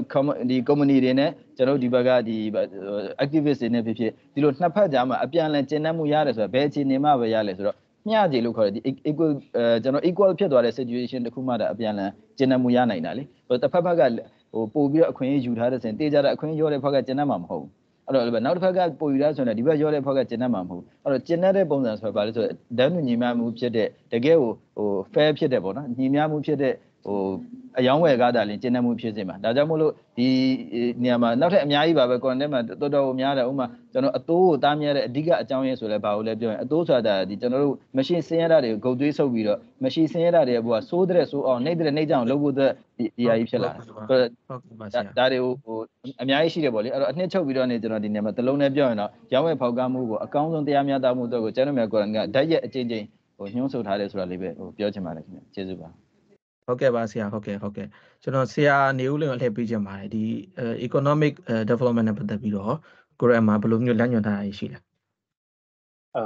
ဟိုပါလေဆရာကျော်မင်းထိုက်အဲပြောတော့ကျွန်တော်ဘာကိုသွားပြီးတော့သတိပြုပြီးလဲဆိုတော့ကျွန်တော်တို့ကိုဗစ်ကာလတွေမှာနောက်ဒီကပ်ဘေးတစ်ခုခုကြုံတဲ့အခါမှာကျွန်တော်တို့လူတွေကဘာကိုစဉ်းစားလဲဆိုရင်အဲလူတွေရဲ့အခြေခံကုန်စည်တွေဖြစ်တဲ့ အာဆန်စီစချက်တော့အာလူဒီနောက်ကိုပဲလိုက်ကြတယ်ခုဆိုရင်ဝယ်ဖို့အတွက်လုပ်ကြတယ်လေဆိုတော့ panic buying ဖြစ်တာပေါ့အော် panic buying ဖြစ်လာတဲ့အခါမှာတချို့နေရာတွေမှာရှိပါတယ်ဟိုကုန်ပစ္စည်းကိုတမင်တကာတူလောင်ပြီးတော့ပြက်လာအောင်ဖန်တီးလိုက်တာတို့နောက်ဈေးကွက်ပေါက်ဈေးမဟုတ်ဘဲနဲ့မှာစမတန်ဈေးကိုတိုးပြီးတော့ရောင်းလိုက်တာတို့ဒါတွေကဒါမလုတ်တင်မလုတ်ထိုက်တဲ့ကိစ္စရဲ့တူဖြစ်ပါဒါကိုအစ္စလာမ်ကအာတားမြစ်ထားပါတယ်ကိုရန် အဲဟို chapter 3 verse 180မှာအဲတာတာမြစ်ထားပါတယ်အဲ့တော့ဒါအဓိကကတော့ဒီ Islam ရဲ့ဒါဟိုဟိုပါပါပြဋ္ဌာန်းထားတာကတော့တစ်ခုကတော့ဟာလာလို့ခေါ်တဲ့ခွင့်ပြုထားတဲ့အရာတွေပေါ့နောက်တစ်ခုကတော့ဟာရာပေါ့အဲ့တော့ကျွန်တော်တို့စားပဲစားစားတောက်ပဲတောက်တောက်ကျွန်တော်တို့နေထိုင်မှုဘဝပုံစံမှာပဲဖြစ်ဖြစ်ကျွန်တော်တို့ဟာလာဖြစ်သောနီလန်းနဲ့ပဲကျွန်တော်တို့ဘဝကိုရက်တည်ရမှာပေါ့အဲ့တော့ကျွန်တော်တို့စီးပွားရေးလုပ်တဲ့ခါမှာလည်းပဲအစ္စလာမ်ကပြဋ္ဌာန်းထားတဲ့ဟာလာပေါ့အဲ့တော့ ဟာလာနဲ့အတူတူဒွန်တွဲနေတာကတော့တွက်ရစ်လို့ခေါ်တဲ့တန်ဆင်းစင်ကြယ်မှုပေါ့အဲ့တော့ကျွန်တော်တို့စီးပွားရေးစားတောက်တဲ့အခါမှာလည်းပဲကျွန်တော်တို့ဟာလာလန်တွက်ရစ်ဘန်ဆိုတဲ့ဒါခွင့်ပြုထားတဲ့အရာတရားတော်အရာခွင့်ပြုထားတဲ့အရာနဲ့တန်ဆင်းစင်ကြယ်သောအရာကိုပဲကျွန်တော်တို့ဒါဟိုလှုပ်ဆောင်မှုအတွက်လက်ညှိုးထားတယ်အဲ့တော့စီးပွားရေးလုပ်တဲ့အခါမှာလည်းထိုနည်းတူစွာပဲကျွန်တော်တို့ရဲ့ရှာဖွေလိုက်တဲ့စီးပွားကရလာတဲ့အကျိုးအပြည့်ငွေကြေးအစုံတရာဟာကျွန်တော်တို့ဒါ ဟိုတဘာသူအပေါ်မှာဟိုဘယ်လိုခေါ်မလဲဟိုတဘာသူရဲ့ဘဝကိုချိုးနေပြီးတော့ဟိုသူများမျက်ခုံးမှာဇင်းရလျှောက်ပြီးတော့မလေးတစ်ပတ်လုတ်ပြီးတော့ဒါစီးပွားရှာလို့မရအောင်ဒါဟာရမ်ပဲအဲ့တော့အဲ့ဒီနည်းနဲ့အဲ့ဒီဟာရမ်နည်းနဲ့ရလာတဲ့ဒါငွေချေးတစိုးလက်ဆောင်ဒါဥစ္စာပစ္စည်းတွေကလည်းဘလို့မှဟိုတန်ဆင်းစင်ကြယ်မှုရှိမှာမဟုတ်ဘူးအဲ့တော့ဟာရမ်နည်းနဲ့ဒါအသက်မိုးဝမ်းကြောင့်ပြုမယ်ဆိုရင်ဒါဂျဟန်နန်ငရဲမိရလဲဒါအသင်းဆောက်ချုပ်နေတာရှိတယ်အဲ့တော့အဓိကတော့ချင်တို့ စီးပွားရေးလုပ်ကိုင်တဲ့အခါမှာကိုကဝန်ထမ်းပဲလုပ်လို့စီးပွားရေးပဲလုပ်လို့ကိုချင်းတရားကောင်းမှုရယ်ဂတိတည်မှုရယ်နောက်ရေးသွေးပိုင်းမှန်ကန်တိကျဖို့ဟာအရေးကြီးတယ်ဆိုတာတော့ကျွန်တော်တင်ပါတယ်ဟုတ်ကဲ့ဟုတ်ကဲ့ပါဆရာဟုတ်ကဲ့ပါဆရာဟုတ်ဆရာတို့နှစ်ယောက်ကျေးဇူးတင်ပါတယ်ဒီကျွန်တော်ဆရာတို့နှစ်ယောက်ဆွေးနွေးသွားတာကိုကျွန်တော်ညီကုန်းချုပ်ရမယ်ဆိုရင်အချင်းချင်းပေါ့နော်ပြန်ပြောရမယ်ဆိုကျွန်တော်ကုရ်အန်အာယတ်၃ခုနဲ့ကျွန်တော်ညီကုန်းချုပ်ချင်ပါတယ်နံပါတ်1ကတော့ကျွန်တော်တို့ကုရ်အန်အာယတ်45 73 နောက်တစ်ခုက45စနစ်ဒီနှစ်ခုပေါ့နော်ဒီနှစ်ခုမှာဗာပြောထားလဲဆိုတော့ဒီဒီလောကအဲတစ်ခုလုံးကြီးကိုကျွန်တော်မိုးကောင်းငင်တဲ့ကဘာမြေပြင်တစ်ခုလုံးကြီးကိုလူသားတွေရဲ့အကျိုးအတွက်ဖန်ဆင်းထားတယ်ဆိုပြီးကျွန်တော်တို့ညွှန်းဆိုထားတာရှိတယ်အဲ့ထက်မှာထပ်ပြီးတော့45စနစ်မှာဆိုအတိအကျဗာပြောထားတာရှိတယ်ဆိုတော့ကျွန်တော်တို့ကဒီသမုတ်တရားတွေကဘာမြေပြင်တွေကိုလူသားတွေရဲ့စားနပ်ရိက္ခာရှာဖွေဖို့အတွက်အဲဖန်ဆင်းပေးထားတယ်ဆိုတဲ့ဟာနှစ်ချက်ကိုညွှန်းဆိုထားတာရှိတယ်ပေါ့နော်ဒါပေမဲ့61 165မှာတခါဗာညွှန်းထားလဲဆိုတော့ကျွန်တော်တို့ကလူသားတွေကို အဲမျိုးမျိုးသောစမ်းသပ်မှုတွေရှိတယ်အဲစမ်းသပ်မှုတွေထဲမှာဘာပါလဲဆိုတော့ကျွန်တော်တို့ကတရားနဲ့တရားကိုမတူညီတဲ့အဲစမ်းသပ်မှုတွေတရားနဲ့တရားကိုမတူညီတဲ့အဆင့်တန်းတွေမတူညီထားမတူညီတဲ့အဲပုံစံမျိုးတွေကိုပေးထားတယ်ပြောချင်တဲ့သဘောကတချို့ကိုအဲ business နဲ့ပတ်သက်ပြီးစမ်းသပ်တာမျိုးရှိကောင်းရှိမယ်တချို့ကိုဒါ environment နဲ့ပတ်သက်တာရှိကောင်းရှိမယ်အဓိကသူ့ရဲ့အဲလူတယောက်ချင်းစီရဲ့အလိုက်ပေါ့နော်ကျွန်တော်တို့ကဒီသုံးခုလုံးကိုကျွန်တော်တို့ကသွားတဲ့နေရာမှာမျှကြည်ရှိဖို့အတွက်ကိုကျွန်တော်ဟိုကျွန်တော်တို့ကို သဘာဝပေါင်းရင်ကိုကျွန်တော်တို့ထိမ့်သိမ့်ဖို့တလည်းညှို့ဆိုတာကျွန်တော်တို့ကဆွေးနွေးခဲ့တာရှိတယ် social justice ဖြစ်ဖို့လည်းကျွန်တော်တို့ညှို့ဆိုတာရှိတယ်ဒါပေမဲ့တစ်ဖက်မှာလည်းကျွန်တော်တို့ကို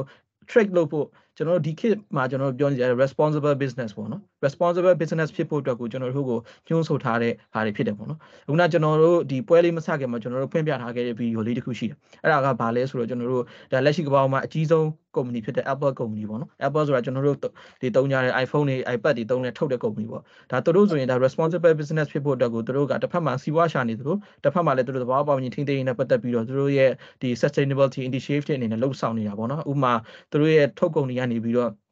သဘာဝပတ်ဝန်းကျင်ထိခိုက်မှုမရှိအောင်လှုပ်ဆောင်သွားတာမျိုးတွေဒါဆိုကျွန်တော်တို့ဒါ21ရာစုမှာ responsible business practice လို့ကျွန်တော်တို့ပြောကြတာပေါ့နော်ဒါပေမဲ့ကျွန်တော်တို့ခုနဆရာတို့ပြောခဲ့တဲ့ဟာအရာဆိုရင်ဒါကကျွန်တော်တို့ဒီ web kit မှာတွေမဟုတ်ဘူး လွန်ခဲ့တဲ့ကျွန်တော်တို့ဒီ Quranic perspective ရပြောမှဆိုရင်လွန်ခဲ့တဲ့နှစ်ပေါင်း1400ကျော်တည်းကဒါတွေကကုရ်အာန်ကအဲ guided လုပ်ထားပြီးသားပေါ့နော်ညွှန်းညွှန်းဆိုထားပြီးသားအဲဆိုတဲ့ဟာကိုကျွန်တော်ဒီနေရာမှာအဲညီကုန်းချုပ်ချက်ပါတယ်ဆိုတော့ကျွန်တော်နောက်တစ်ချက်ပေါ့နော်နောက်တစ်ချက်ကိုကျွန်တော်ဆက်သွားခြင်းပါတယ်နောက်တစ်ဖက်ကိုကျွန်တော်ဆရာအနေနဲ့ဆက်သွားခြင်းပါတယ်ဆရာအနေကိုကျွန်တော်တခုမေးချင်တာကဒီ Quranic perspective အရာဆိုကျွန်တော်တို့ community well being ဖြစ်ဖို့အတွက်ကောဘယ်လိုညွှန်းဆိုထားတာရှိလဲအဲ့တော့ဟိုပါပေါ့ကျွန်တော်တို့ဒီ ဖြစ်လာတဲ့အဲပြဿနာတွေစင်ကုန်မှုတွေကိုကျွန်တော်တို့ပြန်ကြည့်လို့ရှိရင်ကျွန်တော်တို့တူးချင်းစီမှာဒါဟိုလိမ့်ကြတဲ့ဆန္ဒတွေပေါ့နောက်တစ်ခါလောဘရမတ်တွေဒါဟိုပါပေါ့လိမ့်ကြတဲ့ဆန္ဒဆိုတာတော့ဒါဟာဝါပေါ့ဟိုလောဘရမတ်ဆိုတာတော့ရှာဝတ်ပေါ့နောက်ရှိုက်တန်အဖြတ်ကောင်ရဲ့ဒါဖြတ်လို့ရဖြစ်စီဒီစိတ်စိတ်ဆော်မှုပေါ့လေဒီဝတ်ဝတ်စားလေဒါတွေကိုသတိပြုပြီးတော့ပါဘာပဲလို့လို့ဒါအလားတိစိတ်တကွာထားဖို့လိုပါတယ်အဲ့တော့ sustainability ကဏ္ဍမှာလည်းပဲကျွန်တော်တို့ community တူဒီ community တစ်ခုထဲမှာရှိတဲ့လူတူချင်းစီကဒါတကွာတရားရှိဖို့လိုအဲ့တော့နောက်တစ်ခုကကျွန်တော်တို့လက်ရှိအခြေအနေနဲ့ဒါအနာဂတ်ကိုကျွန်တော်တို့အဲချိန်ဆဖို့လိုပါတယ်အဲ့တော့လက်ရှိကြုံတွေ့နေရတဲ့အခက်အခဲအချက်အသေးတွေကိုကျွန်တော်တို့ဘယ်လိုဒီဆိုင်အဲဖြည့်ရှင်းကြမလဲဒါလည်းကျွန်တော်တို့စဉ်းစားရပဲအဲဒါတွေဟိုလက်ရှိကြုံတွေ့နေတာကိုကျွန်တော်တို့ပြန်ကြည့်လိုက်ပဲဆိုရင်လည်းပဲကျွန်တော်အများကြီးတွေ့ရပါအဲ့တော့ဒါတွေဥပဖောက်ပြပြောင်းလဲတာတွေ ဟလာလေလူညဉ့်ညမ်းတာရေလူညဉ့်ညမ်းတာမြေညဉ့်ညမ်းတာနောက်မျိုးပြနဲ့ဆိုင်တဲ့ဒါညဉ့်ညမ်းမှုအမျိုးမျိုးပေါ့လေမျိုးပေါက်ဆိုင်တဲ့ညဉ့်ညမ်းမှုအမျိုးမျိုးဆိုတာဒါဒါကျွန်တော်တို့ဆုံးပြအမိုက်ပစ္စည်းဒီနဲ့ပတ်သက်တာတွေနောက်ဒီအတက်ညဉ့်ညမ်းတာနောက်ဆုံးကျွန်တော်တို့ညပိုင်းနေမှာကျွန်တော်တို့အလင်းညဉ့်ညမ်းတာအစပေါ့လေဒါတစ်ခုမဟုတ်တစ်ခုကျွန်တော်တို့ဒါအတက်အိုးအိမ်စီးစိမ်းတွေကိုပဲကျွန်တော်တို့အဲချင်းချောင်းနေတော့ကျွန်တော်တွေ့ရပါအဲ့တော့ကျွန်တော်တို့အနေနဲ့ဒီလက်ရှိဒါကြုံတွေ့နေရတာတွေကိုဒါလက်လွတ်စပယ်နေမယ်ဆိုရင်ဟိုနောက်လာမဲ့ မျိုးဆက်တွေအတွက်ပေါ့လေအဲကျွန်တော်တို့ရဲ့အဲလူပတ်ဝန်းကျင်ကျွန်တော်တို့ရဲ့နိုင်ငံကျွန်တော်တို့ရဲ့ကမ္ဘာအတွက်အတွန်းဟိုစိုးရင်ရတဲ့အနေအထားဖြစ်ပါအဲ့တော့ဟိုကျွန်တော်ပြောချင်တာကတော့ကျွန်တော်တို့ဒါအဲကိုကိုကိုတာဝန်ယူတဲ့စိတ်အဲတာဝန်ယူမှုနဲ့ပဲကျွန်တော်တို့ဖြစ်လာတဲ့ပြဿနာတွေမှာအားလုံးဒါဝိုင်းဝန်းဖြစ်ရှင်းရမယ်လို့ကျွန်တော်ထင်ပါတယ်ဟုတ်ကဲ့ဟုတ်ဟုတ်ကဲ့ပါဆရာဟုတ်ကဲ့ပါဆရာဟုတ်ကျွန်တော်ဆရာကျော်မင်းထက်ကိုမေးချင်ပါတယ်ဒီ community well being နဲ့ပတ်သက်ပြီးတော့ကောဒီဘယ်လိုမျိုးညှို့ဆိုတာရှိလဲမသိဘူး ဟုတ်ကဲ့ဟုတ်အဲဒီကျွန်တော်တို့လူအတိုင်းဝိုင်းပါနော်လူအတိုင်းဝိုင်းစနစ်ကြလေပတ်နိုင်မှုလူအတိုင်းဝိုင်းမှာရှိတဲ့ resources တွေကျွန်တော်တို့အပြန်လန် well ဖြစ် well ဖြစ်နေဖို့ပေါ့လေအပြန်လန်ဟိုကောင်းကောင်းမွန်မွန်ရှိနေဖို့ဆိုတဲ့ဟာကကျွန်တော်တို့ဘယ်မှာတွားပြီးတော့မူတည်လဲဆိုတော့ဒီလက်ရှိရှိနေတဲ့ resources တွေကိုကျွန်တော်တို့ဘယ်လိုမျိုးသုံးဆွဲလဲဆိုတဲ့ဟာလဲသူကစိတ်တစ်ပိုင်းအရေးကြီးတဲ့ကဏ္ဍတွေမှာပါဝင်တယ်အဲ့တော့ ဒါကိုပြောရင်ခုနကဒီဆရာနေဦးလင်ပြောထားစီမှာလည်းပါပါတယ်ကျွန်တော်တို့ Quran နဲ့ Ayat နဲ့ပြောမယ်ဆိုရင်တော့ကျွန်တော်တို့ Quran မှာပြောတယ်ကူလူဝရှ်ဝဘူဝလာတုစရီဖုန်အဲ့တော့စားပါတောက်ပါတို့တော့မဖြုံးသီးနဲ့လို့ပြောတယ်ဆိုတော့ဒီနေရာမှာမဖြုံးသီးနဲ့ဆိုတဲ့စကားအရင်အဓိပ္ပာယ်လေးနဲ့တယ်တခုကတော့စားပါတောက်ပါဆိုပြီးခွင့်ပြုတာတနည်းအားဖြင့်ပြောရင်ဒါကျွန်တော်တို့ development ကျွန်တော်တို့ရဲ့လိုအပ်ချက် development ဆိုတာတဲ့ဒီနေရာမှာလူသားရဲ့လိုအပ်ချက်ကိုဖြည့်ဆည်းဖို့အတွက်ခွင့်ပြုတယ်တစ်ဖက်မှာ နောက်တစ်ဖက်မှာပြောလို့ဆိုတော့မဖြုံးသီးနဲ့ဆိုတဲ့စကားဒီနေရာဒီစကားအရင်လေးနဲ့တယ်တဘောကဘာလဲဆိုတော့ကိုယ့်အတွက်တကယ်လိုအပ်တဲ့အတိုင်းတာကိုယ့်အတွက်အမှန်တကယ်မဖြစ်မဖြစ်လိုအပ်တဲ့အတိုင်းတာဓာတ်ကိုပို့ပြီးတော့ဖြုံးသီးတာမျိုးလုံးဝ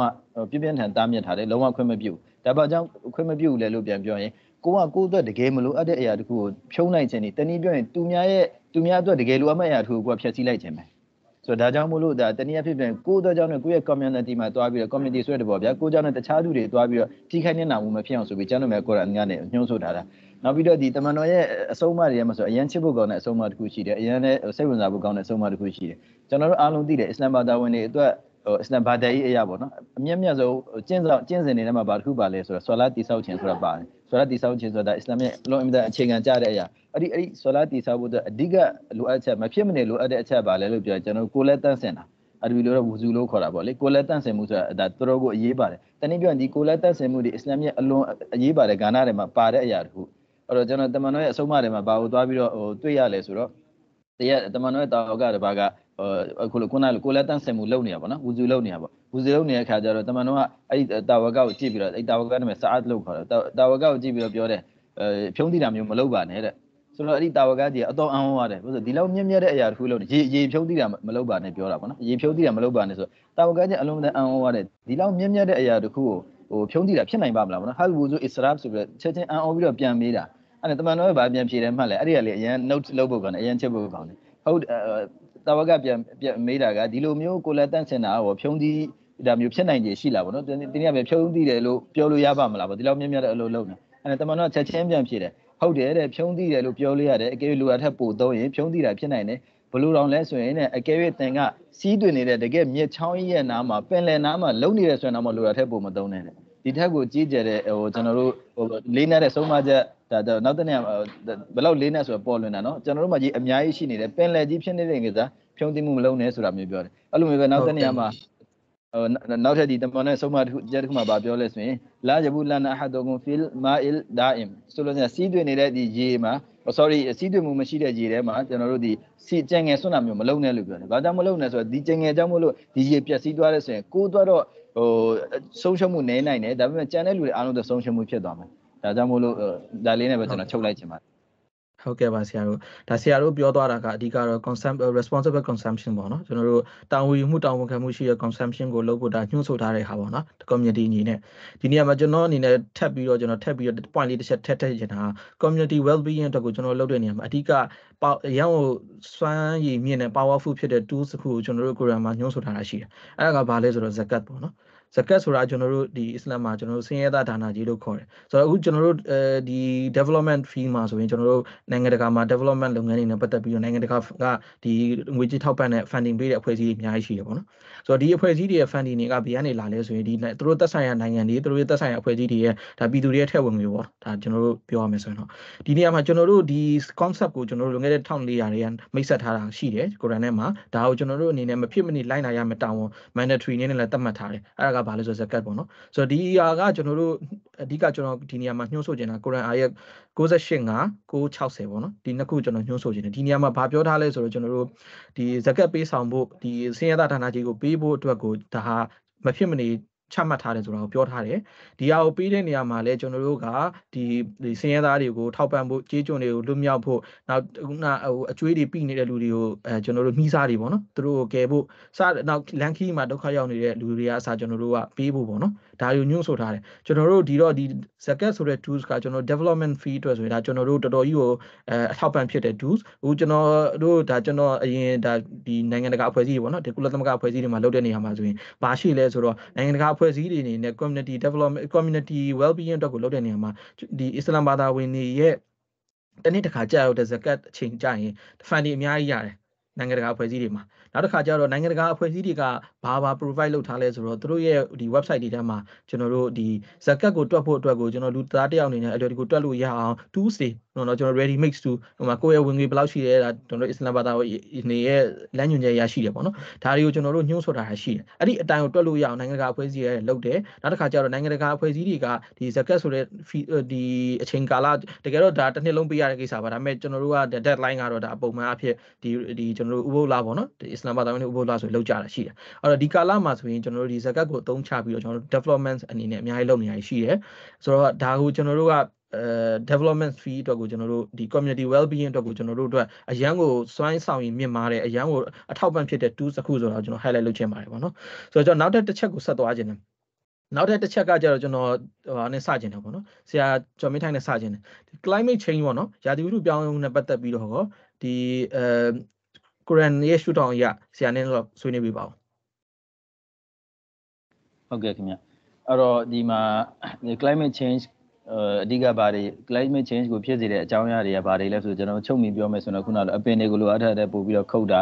ပြီးတော့ဒီခါဒီကျွန်တော်တို့ဟိုတောင်တွေကိုဟိုငကိုရှိနေတပေါက်တိုင်းရှိနေတောတောင်တွေကိုဖျက်ဆီးတာတောင်တွေကိုဖျက်ဆီးတာနောက်ထပ်အများကြီးပေါ့လေဒါတွေကိုအဓိကဖျက်ဆီးတဲ့အတွက်ကြောင့်မလို့ဒီ climate change ကဖြစ်စေတဲ့အကြောင်းရင်းတွေကတခုပေါ့ဒီလိုကတော့ climate change ဖြစ်စေတဲ့အကြောင်းရင်းတွေကျွန်တော်ပြောနေကုန်မှာမဟုတ်အများကြီးပဲဒါစင်ပေါင်းများစွာရှိတယ်အဲ့ဒီတွေကနေအဓိကအရေးပါတဲ့အချက်တွေထဲမှာဒါတွေလည်းပါတယ် အဲ့တော့ဒါနဲ့ပတ်သက်ပြီးကျမ်းစာမှာ Quran ထဲမှာဘယ်လိုမျိုးဆုံးမလမ်းညွှန်လဲဆိုကျွန်တော်ပြန်ကြည့်တဲ့ခါကျတော့ဒီ chapter number 22ပေါ့နော် chapter number 22 verses number 18မှာကျွန်တော်တို့ကိုဖန်ဆင်းရှင်ရပါပြောလဲဆိုအလမ်တာရအန်နလ္လာဟ်ယစဂျူဒူလဟူမန်ဖီဆာမာဝါဒီဝမန်ဖီလ်အာရ်ဒီဝရှမ်စ်ဝလ်ကမရ်ဝန်နူဂျုမ်ဝဂျီဘာဝရှဂျာဆိုဒီနေရာမှာတစ်ခုချင်းစီနာမည်ခေါ်ပြီးပြောတာအရန်ကိုကျွန်တော်တို့က ဟိုဘယ်လိုပြောမလဲတကယ်ကိုချစ်ဖို့ကောင်းတဲ့အရင်ကြည်နေဖို့ကောင်းတာပေါ့ဘာဘာပြောလဲဆိုရင်အတင်းတော့မသိဘူးလားတဲ့ဒီမှာရှိနေတဲ့ဒီကဘာမြေမူးကောင်းငင်မှာရှိရှိတည်းမြအရာအလုံးအဲ့လိုပဲမြေပြင်တွေမြရှိရှိတည်းမြအရာအလုံးအဲ့ဒီအပြင်ကိုနေတွေကျွန်တော်တို့လတွေကျေတာယာတွေတောင်တန်းတွေဂျီဘာဆိုပြီးတော့တုံးတော့နေတောင်တန်းတွေနောက်တစ်ခါပြီးတော့ရှက်ဂျာတွေတနည်းပြန်တစ်ပင်နေအဲ့တော့တစ်ပင်ပန်းမယ်နေပေါ့လေတစ်ပင်နေဆိုတော့ဒါတွေအားလုံးကတဲ့ဖန်ဆင်းရှင်ကို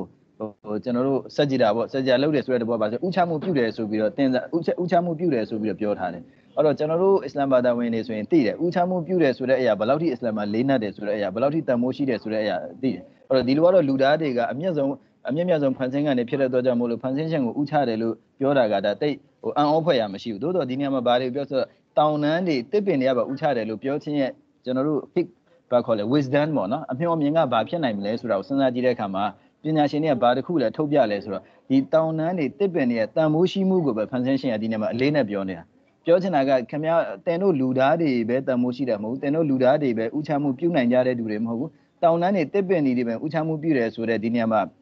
အနှစ်သာရတဘောပါဆိုတော့ဒီဟာတွေလည်းပဲတင်တို့ကဲတော့ပဲတန်မိုးရှိတယ်လို့ဆိုလိုတာဆိုတော့ဒါတွေကိုကြည့်ချင်အပြည့်ကျွန်တော်တို့က ဒါကျွန်တော်တစ်ချက်ပဲပြောတာပါနော်အချက်တွေကတော့အများကြီးတည်းမှာတစ်ချက်ပဲပြောလိုက်တာပါလဲဆိုတော့ဒီဟာတွေကိုကျမ်းစာမှာကုရ်အာန်မှာဒီလိုမျိုးသုံးလုံးပြီးပြောခြင်းဒီဒီဟာတွေအားလုံးကကျွန်တော်တို့လူပောင်ဝင်ကြအလုံးအမြဲတမ်းကျွန်တော်တန်မိုးထားမဲ့အရာတွေဖြစ်တယ်တန်မိုးရှိတဲ့အရာတွေဖြစ်တယ်အကယ်၍ဒီကုရ်အာန်ရဲ့လမ်းညွှန်ဆုံးမချက်အတိုင်းကျွန်တော်တို့တန်မိုးထားမယ်ဆိုရင် climate change ကိုကျွန်တော်တို့အများကြီးအတိုင်းအတာတစ်ခုအထိနော်ပြန်ပြီး against လုပ်နိုင်မယ် fight လုပ်နိုင်မယ်ဆိုတာလေးကျွန်တော်ပြောရင်းနဲ့ပဲဟုတ်ဒီကုန်းချုပ်ပါတယ်ခင်ဗျ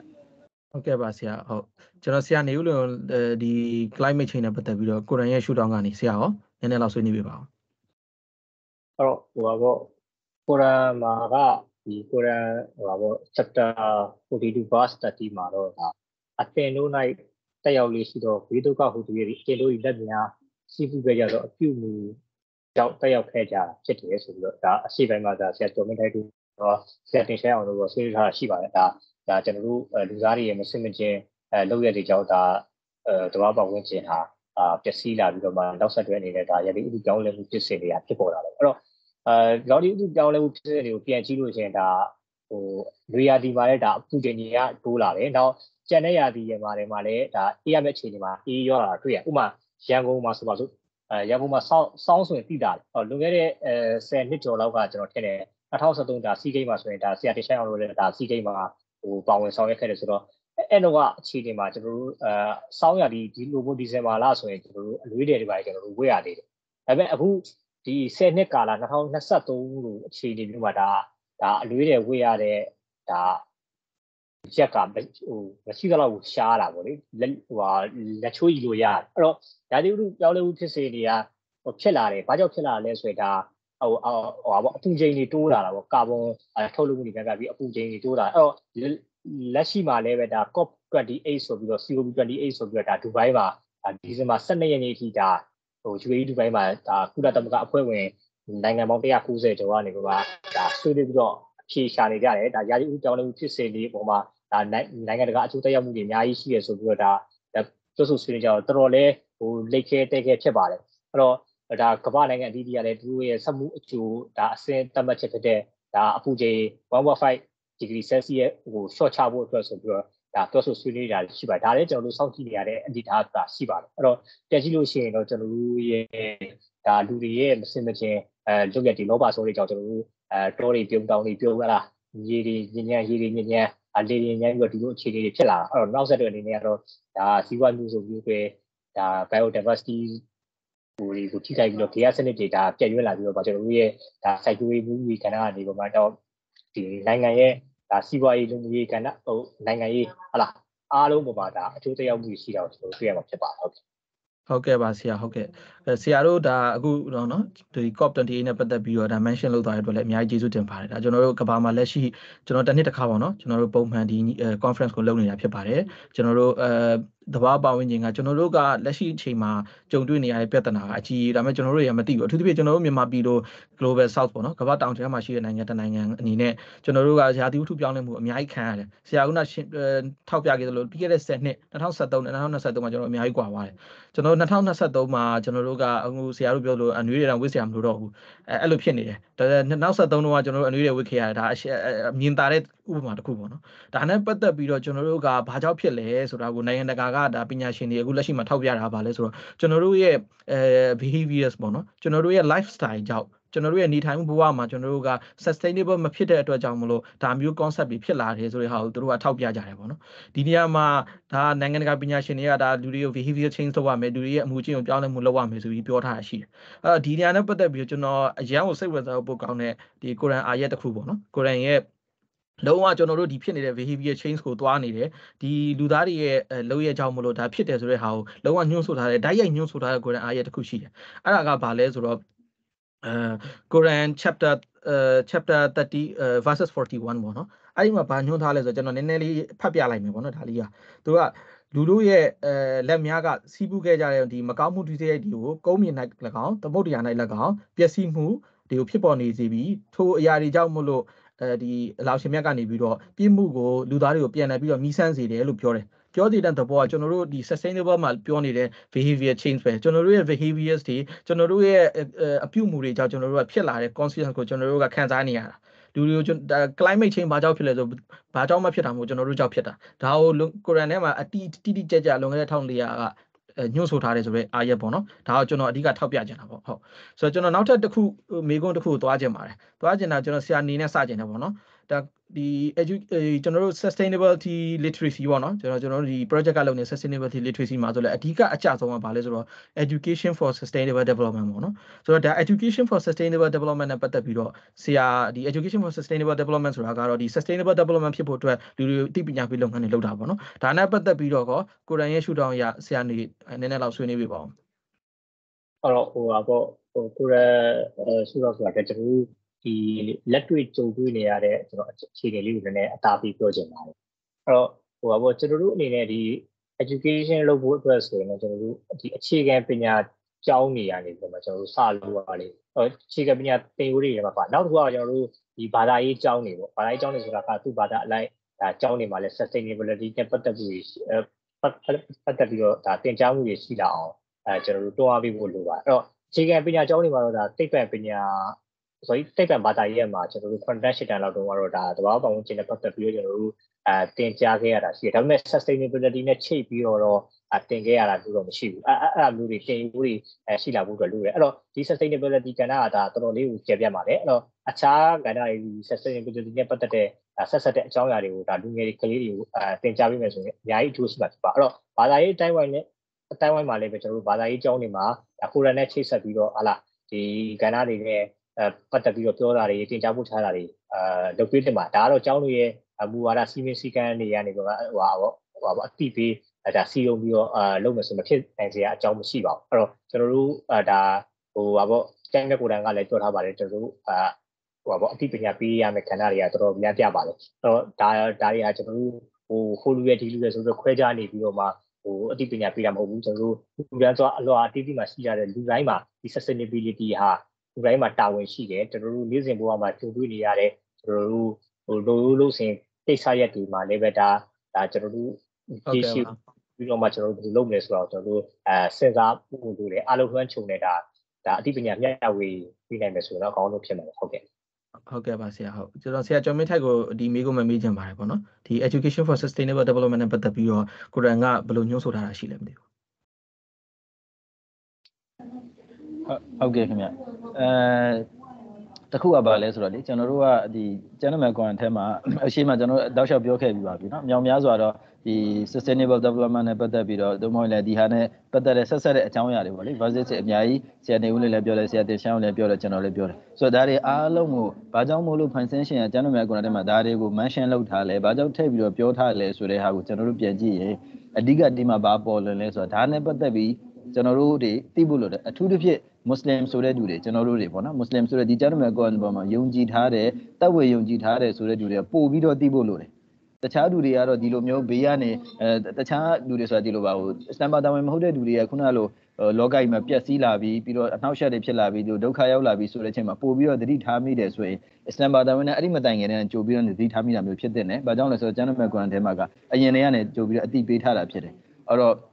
ဒါကဒီဒီဟာနဲ့ပတ်သက်တဲ့သိမှုပေါ့နော်ပညာနဲ့ပတ်သက်ပြီးကျွန်တော်မြတ်ကနေဘယ်လောက်ထိဟိုအရေးကြီးမှုကိုညှိုးဆိုလဲဆိုတာကိုကျွန်တော်တွေ့ဝိုက်တော့နည်းနဲ့မြင်ရတဲ့အချက်ပေါ့လေအဲ့ဒါတစ်ချက်ဒုတိယချက်ကတော့ဆရာနေဦးလည်းပြောလို့တကယ်တကယ်မြေပြင်ကိုကျွန်တော်တို့ပြန်ဆင်းကြည့်တဲ့အခါမှာလည်းဟိုဒီလိုကတော့ environment လောကမှာတို့မဟုတ် sustainability လောကမှာလုပ်နေတဲ့အဲဒီမှာ Islam ဘာသာဝင်တွေလည်းရှိပါတယ်ဒါပေမဲ့ကျွန်တော် research တွေဖတ်ရတော့ percentage အပြင်နည်းတယ်နော်ကျွန်တော်တို့ထဲကအထူးသဖြင့်ဒီတဲမှာတက်တက်ကြွကြွပါဝင်လာတဲ့တဲမှာမွတ်စလင်နိုင်ငံတွေတကယ်ပြောချင်တာပြ authority ရှိတဲ့နိုင်ငံတွေဆိုရင် မွတ်စလင်နိုင်ငံမဟုတ်တဲ့လူတွေထဲကအများကြီးနောက်ရောက်တယ်အများကြီးရောက်တာမှတော်တော်ကိုနောက်ရောက်တယ်မသိရင်တို့နဲ့အခုချိန်ဒီဘာမှမဆိုင်တယ်လို့မျိုးပဲအဲ့တော့ဒီဒီကိစ္စတွေလည်းကျွန်တော်တို့ပြင်ဖို့လိုတယ်အဲ့လိုမျိုးပဲတဦးချင်းစီနဲ့ဆိုင်တယ်ဟိုအစ္စလမ်ဘာသာမတယောက်ချင်းစီနဲ့ပတ်သက်ပြီးတော့ဒါတွေကအရေးကြီးပါလားကျွန်တော်တို့စောင့်ထင်းရမှာပါလားဆိုတဲ့စိတ်မျိုးမရှိဘူးအဲ့တော့ဟိုဆိုပါစို့ဒီဒီလိုမျိုးပတ်ဝန်းကျင်ကိုဟိုစိုးကြိုးဖြစ်စေတာပတ်ဝန်းကျင်ကိုနစ်နာအောင်လုပ်တာထိခအောင်လုပ်တာပျက်စီးအောင်လုပ်တာဒီကျွန်တော်တို့ရှောင်ကျင်ရမယ့်အလုပ်ပါလားဆိုတဲ့ဗာဒရေးအရာလည်းရှောင်ကျင်တဲ့အလုပ်ပါလားဆိုတဲ့အတိအတော်တချို့စီမှာမရှိကြဘူး တချို့တွေဒီလိုကိုမယူဆတာဆိုတော့ဒါတွေကလည်းကျွန်တော်တို့ပညာပေးမှုတွေအများကြီး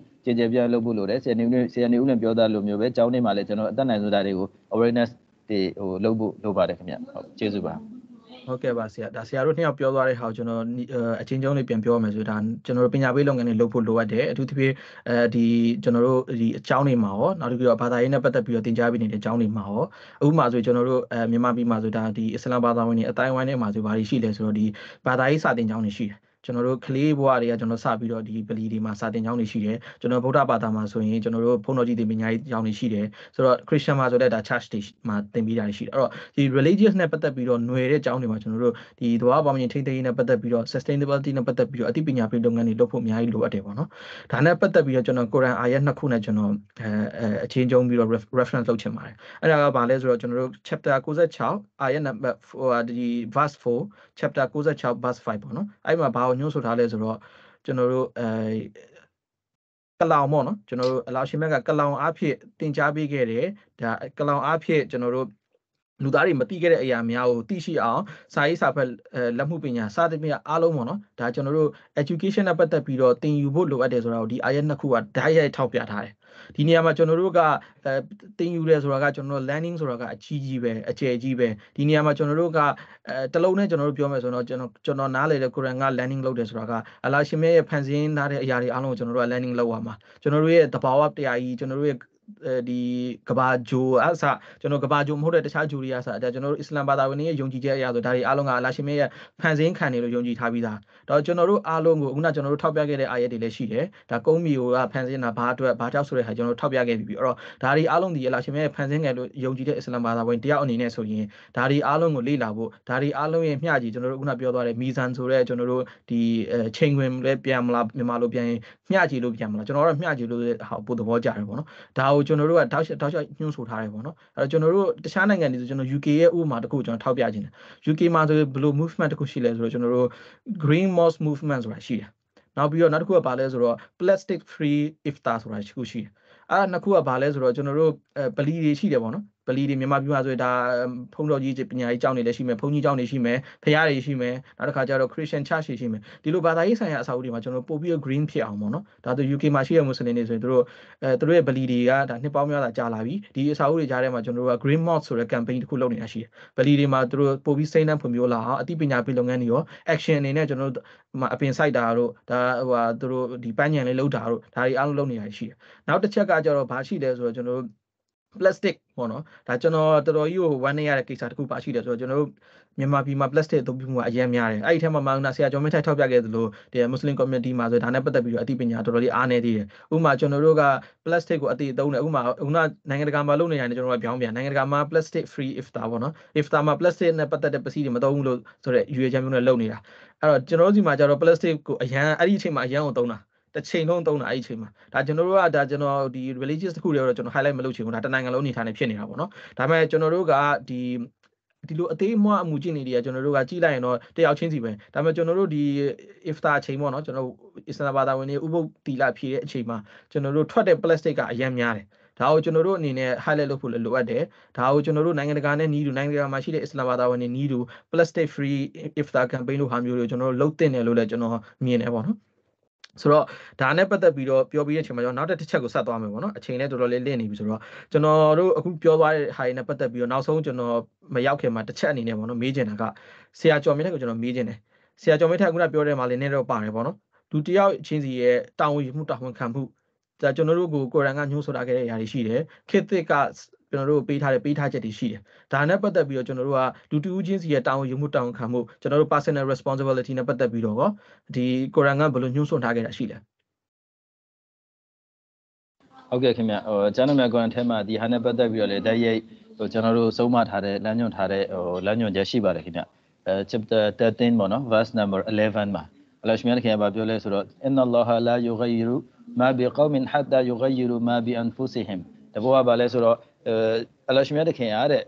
လူတွေကမိမိရဲ့အခြေအနေကိုကိုယ်ဘာသာကိုမပြောင်းလဲတဲ့မြေကာလပတ်လောအလရှမြတ်ခင်ပြောင်းလဲပေးမှာမဟုတ်ဘူးလို့ပြောတယ်ဒီစကားလိုအင်မတန်လေးနဲ့တယ်နော်ဒီနေရာမှာပြောရပါတယ်ဆိုလူတွေကကိုယ့်ရဲ့အခြေအနေကိုကိုယ့်ကိုပြောင်းရမယ်ကိုကိုယ်တိုင်ပြောင်းရမယ်တဘောကဗျာကိုကိုယ်တိုင်ပြောင်းရမယ်ကိုကိုယ်တိုင်ပြောင်းလဲမှသာလျှင်လရှမြတ်ခင်ပြောင်းပေးမယ်လို့ပြောတယ်တဘောကဘာလဲဆိုတော့ဒီ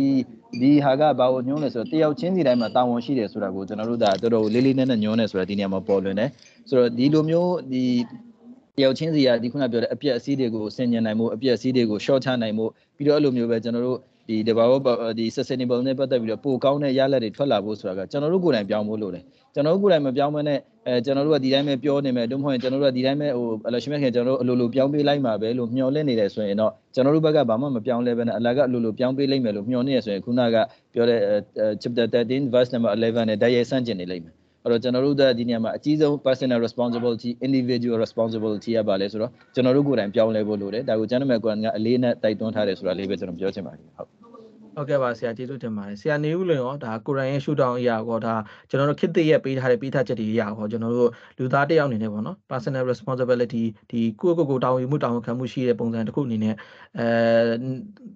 ဟိုကျွန်တော်တို့နေထိုင်ကြင့်ကြံမှုအတွက်လိုအပ်ချက်ကိုကိုရန်ကဘယ်လိုညွှန်းဆိုတာလဲမသိဘူး အဲ့တော့ဟိုပါပေါ့ဆရာကျော်မင်းထိုက်ပြောတာတော့ဆရာတင်ဆိုင်အောင်ပြောတဲ့နေရာမှာကြည့်ကြည့်မယ်ဆိုရင်နံပါတ်1ကတော့ဒါဟိုပေါ့ဆရာကျော်မင်းထိုက်ပြောတဲ့နေရာမှာလည်းပါပါတယ်ဟိုတရားမှတ်ဖြစ်တဲ့ချိန်ဖြစ်ပါစေခုလက်ထဲမှာဒါတပိတပိရှိရဆိုစိုက်လိုက်ပါပေါ့ဒါတမန်တော်များအသိရှိရတော့ကအာရေဒီအများကြီးစီးတည်နေတဲ့ဒီ6 AI ဖြစ်ပါစေအဲလူတလောက်ပဲကိုယ့်ရဲ့တုံးကြီးဟိုအတုံးကြီးကိုနောက်ဆရာတင်ဆိုင်အောင်ပြောတဲ့ဒါ plastic ကိစ္စတွေပေါ့အဲ့တော့ဒီ သုံးခုကိုကျွန်တော်သွားကြည့်ပြီးတော့ကျွန်တော်လုပ်တဲ့ကိုကိုလုပ်တဲ့ personal responsibility တွေအဲ့ဒီချက်သုံးချက်ကိုကျွန်တော်ချပြချက်အဲ့တော့နံပါတ်1ကတော့ကျွန်တော်ဘာလုပ်လဲဆိုရင်ကျွန်တော်တစ်နှစ်ကိုအပေတပင်ကျွန်တော် site အဲ့တော့ပြီးခဲ့တဲ့အပတ်ကပဲကျွန်တော်ဒါအိမ်မှာကျွန်တော်အပေပြိုးထားတဲ့ဒါတက်မြပင်ကျွန်တော်တောင်းတကူမှာကျွန်တော်သွား site တယ်ဒါလည်းကကိုကိုလုပ်တဲ့ကိစ္စဘူးမတိုက်တွန်းလုပ်တဲ့ကိစ္စကျွန်တော်တို့လုပ်တဲ့ကိစ္စအဲ့တော့ဒါတစ်နှစ်ကိုတစ်ပင် site တယ်အပင်ဒီ ကြီးပြီးဖြစ်စေငယ်ပြီးဖြစ်စေပေါ့ကျွန်တော်ဆိုင်ရနောက်ဟိုအရင်နှစ်တည်းဆိုကျွန်တော်ဇီးပင်လို့ပါလို့တနစ်ကိုတပင်နောက်ခေါ်ပတ်ပင်လို့အဲ့လိုအိမ်မှာပန်းလေးနဲ့ပြူးပြီးတော့ကျွန်တော်ရေလို့မြေရေရရှိရနေတယ်ဆိုတော့သွားပြီး site နောက်ဒုတိယတစ်ခုအနေနဲ့အဲဆရာကျော်မြင့်တက်ပြောတဲ့ဒီရေသုံးဆွဲမှုနဲ့ပတ်သက်ပြီးတော့ဘာသွားတွေ့လဲဆိုတော့ကျွန်တော်တို့ဒီကဘာမှာလည်းပဲရေချိုးတယံဇာတာဟာတော်တော်လေးကိုရှားပါနေတာတွေ့ရတယ် ဒါပေမဲ့ကျွန်တော်တို့ဒီမြန်မာနိုင်ငံမှာကအဲဒါအလားရှင်ရဲ့နေမတ်ဂရာမတ်ပဲတော့ကျွန်တော်တို့ဒါရေချိုးတယံဇာတာပုံနဲ့အကျွဲသွားတယ်ဒါဟိုပါပေါ့ရေယာဒီဒါဘိုးခေါင်ရေးရှာတဲ့နေရာအခြေအနေကလွဲပြီးတော့ဗောလေကျန်တဲ့နေရာတွေမှာကျွန်တော်တို့ဒါအိမ်မှာကျွန်တော်တို့ဘူပန်ဖွင့်လိုက်လို့ရှိရင်ဒီအဲရတဲ့အနေအထားဖြစ်ပါတယ်အဲ့တော့ကျွန်တော်တို့တမန်တော်မြတ်ကဒါဟာဒီရှိတယ်ဒါ ဝစုဝကိုလက်တက်ဆင်လို့လို့ရှိရင်ရေဘလောက်ပဲတုံးခဲ့တယ်ဒါဆရာကျော်မင်းတို့ပူပြီးကြည့်ပါကျွန်တော်တို့ဟိုလိုဘူးဗာလဲသေချာမဖတ်ဘူးကအခုကတတိယလို့ပါနောက်တစ်ခုကရေချိုးလို့ရှိရင်ဘလောက် limit တုံးခဲ့တယ်ပေါ့အဲ့တော့ဒါအဲ့ဒီ limit အတိုင်းတုံးမယ်ဆိုရင်ဒါဟိုစွန်းတစ်ခုလည်းဖြစ်တယ်ဒါဟိုပါဘောကုတူအကျိုးအဖြစ်လဲဒါဟိုအကျိုးရှိတဲ့ကိစ္စဖြစ်တယ်ပေါ့အဲ့တော့ဒါကိုကျွန်တော်တို့လိုက်နာနိုင်မှုစူးစမ်းရမယ်ဆိုတော့ကျွန်တော်အခုဟိုအခုပြောနေတယ်ကျွန်တော်ဒါစဉ်းစားမိတာပေါ့အဲ့တော့ နောက်တစ်ခုကတော့ကျွန်တော်တို့ဒီပလီတွေမှာဖြစ်ဖြစ်အိမ်မှာဖြစ်ဖြစ်ဘိုးပိုင်တွေကနေဒီမှာရေယူစိတ်မှုတွေကအများများတယ်ကျွန်တော်တို့နိုင်ငံအဲ့တော့ကျွန်တော်သွားရင်လာရင်လည်းဖြစ်ဖြစ်ကျွန်တော်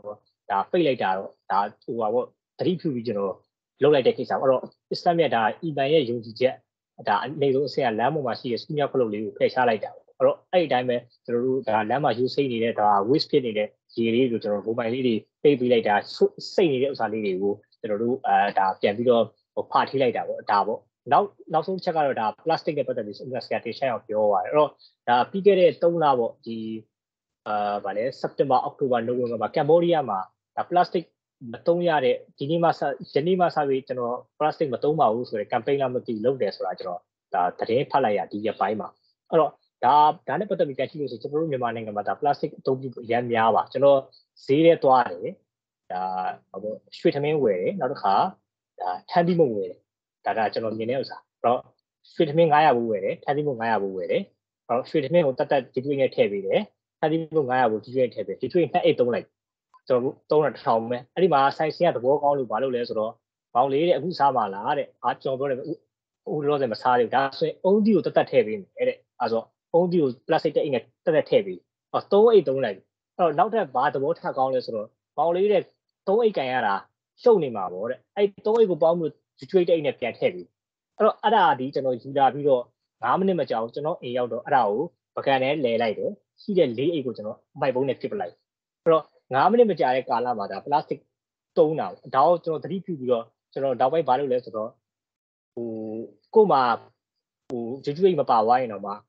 ဟိုဘယ်လိုခေါ်မလဲပေါင်းထဲဖို့ဟိုပေါင်းထဲတာကိုဘယ်လိုခေါ်မလဲအခုနလေးအိတ်ပေါင်းပြီးတအိတ်ထဲတာတို့အုံးတက်တက်ခွဲထဲတာတို့ဒါကိုကျွန်တော်ရှောင်တယ်ဒါကိုကျွန်တော်ရှောင်တယ်နောက် ဖြစ်နိုင်လို့ရှိရင်ကိုယ့်အိမ်ကနေပြီးပါဘူးတွေပါတယ်အဲ့လိုအစာတို့ဥစ္စာတွေဟိုယူသွားတာမျိုးပေါ့ဒါမို့ကျွန်တော်လိုက်နာနိုင်အောင်ကျွန်တော်ကျင့်သုံးနေတယ်ဒါကတော့ဟိုတဖေးဖေးနဲ့ကျင့်သုံးနေတဲ့ကိစ္စဖြစ်တယ်ဟိုလုံးဝကျင့်သုံးနေတယ်လို့ကျွန်တော်မပြောဘူးအဲ့တော့ဒါကျွန်တော်လိုက်နာဖို့ထူးဆန်းနေတဲ့ personal responsibility တုံးချက်ကိုအခုပြောရင်းဆိုရင်လည်းကျွန်တော်ဟိုတတိယလို့ကျွန်တော်မျှဝေတာပါဟုတ်ကဲ့ ဟုတ်ကဲ့ပါဆရာတို့ဟုတ်ဆရာတို့ပြောသွားတဲ့အချက်ကိုကျွန်တော်အဓိက highlight ပြန်လုပ်ရမယ်ဆိုတော့အဓိက reduce reuse recycle ပေါ့နော်ကျွန်တော်တို့က plastic အသုံးပြုမှုကိုချော့ချမယ် plastic အသုံးပြုမှုကိုကျွန်တော်တို့ကထပ်ခါထပ်ခါပြန်သုံးမယ်ကျွန်တော်တို့ကကြတော့ recycle လုပ်မယ်ပေါ့နော် recycle ကတော့ဒါကျွန်တော်တို့ပို့ပြီးတော့လေးနေတာပေါ့အများကြီးထပ်ပြောရမယ်နောက်တစ်ချက်ကဘာလဲဆိုတော့ကျွန်တော်တို့ consumption နဲ့ပတ်သက်ပြီးတော့ဆရာတို့ပြန် highlight လုပ်တာကဒီ water consumption တို့ဘာလို့ပေါ့နော်ဒါနဲ့ပတ်သက်ပြီးတော့ကျွန်တော်ပြောတဲ့နေရာမှာကျွန်တော်တို့ကနှစ်ချက်ပေါ့နော်ဒါကျွန်တော်မြန်မာပြည်မှာတော်တော်လေးကိုအဲ ဆိုးဆိုးဘာဖြစ်နေတဲ့အချက်နှစ်ချက်ရှိတယ်အဲ့ဒါကဘာလဲဆိုတော့ကျွန်တော်တို့က public area မှာကျွန်တော်တို့စိတ်လေးတောက်တဲ့ကိစ္စပေါ့နော်ကျွန်တော်ကစိတ်လေးတောက်တဲ့ကိစ္စကိုကတော့ individual right အနေနဲ့သတ်မှတ်ထားတယ်အဲ့တော့ကျွန်တော်အနေနဲ့အဲဒါကိုမှားတယ်မှန်တယ်ပြောစရာမရှိဘူးဒါပေမဲ့ပြဿနာကဘာလဲဆိုတော့လူတိုင်းကကိုယ့်လိုမဟုတ်ဘူး အဲ့တော့လူတိုင်းကကိုယ့်လိုမဟုတ်တဲ့နေရာမှာကျွန်တော်တို့စိတ်လေးတောက်တယ်စိတ်လေးတောက်တယ်ဆိုတော့ကကျွန်တော်တို့ကကိုယ့်ကြမ်းမာရေးကိစ္စတော့ကိုယ့်ကိုဒါကိုတောင်းကိုကိုယ့်ရဲ့အကျိုးဆက်ကိုကိုခံရမှာဒါပြဿနာမရှိဘူးဒါပေမဲ့ပြဿနာကဘာလဲဆိုတော့ဘေးမှာရှိတဲ့လူတွေရဲ့ပတ်ဝန်းကျင်ကိုထိခိုက်တယ်တဘာပတ်ဝန်းကျင်လည်းထိခိုက်တယ်အဲ့တော့ကျွန်တော်တို့ဒီဟာမျိုးကိုကျွန်တော်တို့ကဒီနိုင်ငံတကာမှာလည်းဒါစိတ်လေးတောက်တဲ့လူတွေရှိပါတယ်ဒါပေမဲ့ပို့ပြီးတော့ဒါတို့တတ်မှတ် area တွေမှာတောက်ရတဲ့ဟာမျိုးရှိရပါတော့အဲ့တော့ဒီစိတ်လေးတောက်တဲ့ကိစ္စဒါကျွန်တော်တို့ဒီ responsible နဲ့ပတ်သက်ပြီး personal responsible နဲ့ပတ်သက်ပြီးအရန်အရေးကြီးရပါတော့ဒါကိုကျွန်တော်တို့တစ်ချက်ပေါ့နောက်တစ်ချက်ကကျွန်တော်တို့ကိုယ်ရစားတဲ့ကိစ္စ ကျွန်တော်တို့စီမှာကုန်းရအရန်စားကြတယ်ကိုရအရန်စားတဲ့ကကျွန်တော်ကိုရစားတာကိုကျွန်တော်ကဒီဘာသာရေးရှုထောင့်ရဒီရောဒီဟိုဒါစားခွင့်ရှိမစားကျွန်တော်အဲ့ဒီစိတ်ဝင်စားဘူးကျွန်တော်ပြောချင်တဲ့ point point ကဘာလဲဆိုတော့ကိုရစားတာကဒါကျိုးလာရလာမယ့်အကျိုးဆက်ကစိတ်လေးလိုမျိုးပဲဒါကိုကိစ္စကိုရှင်းရမှာတို့တော့ပြဿနာကကိုရစားတာမဟုတ်ဘူးကိုရစားခြင်းရဲ့နောက်ဆက်တွဲကွန်သဆွေးထွေးတဲ့ကိစ္စကွန်သဆွေးကိုကျွန်တော်တို့ကဒီလမ်းတွေပေါ်မှာထွေးတာ ကျွန်တော်တို့ရန်ကုန်မှာကျွန်တော်တို့မွတ်စလင်တွေအများစုနေတဲ့ရက်ွက်တွေမှာဆိုတော်တော်ကြီးကိုဒါဆိုးဆိုးကတွေ့ရတယ်။လမ်းတွေကကျွန်တော်တို့ကကတ်တရဈေးအနီအောင်ခင်းစရာဆေးတုပ်ထားသလိုပဲကွန်တူတစ်ချိန်လုံးထွေးတယ်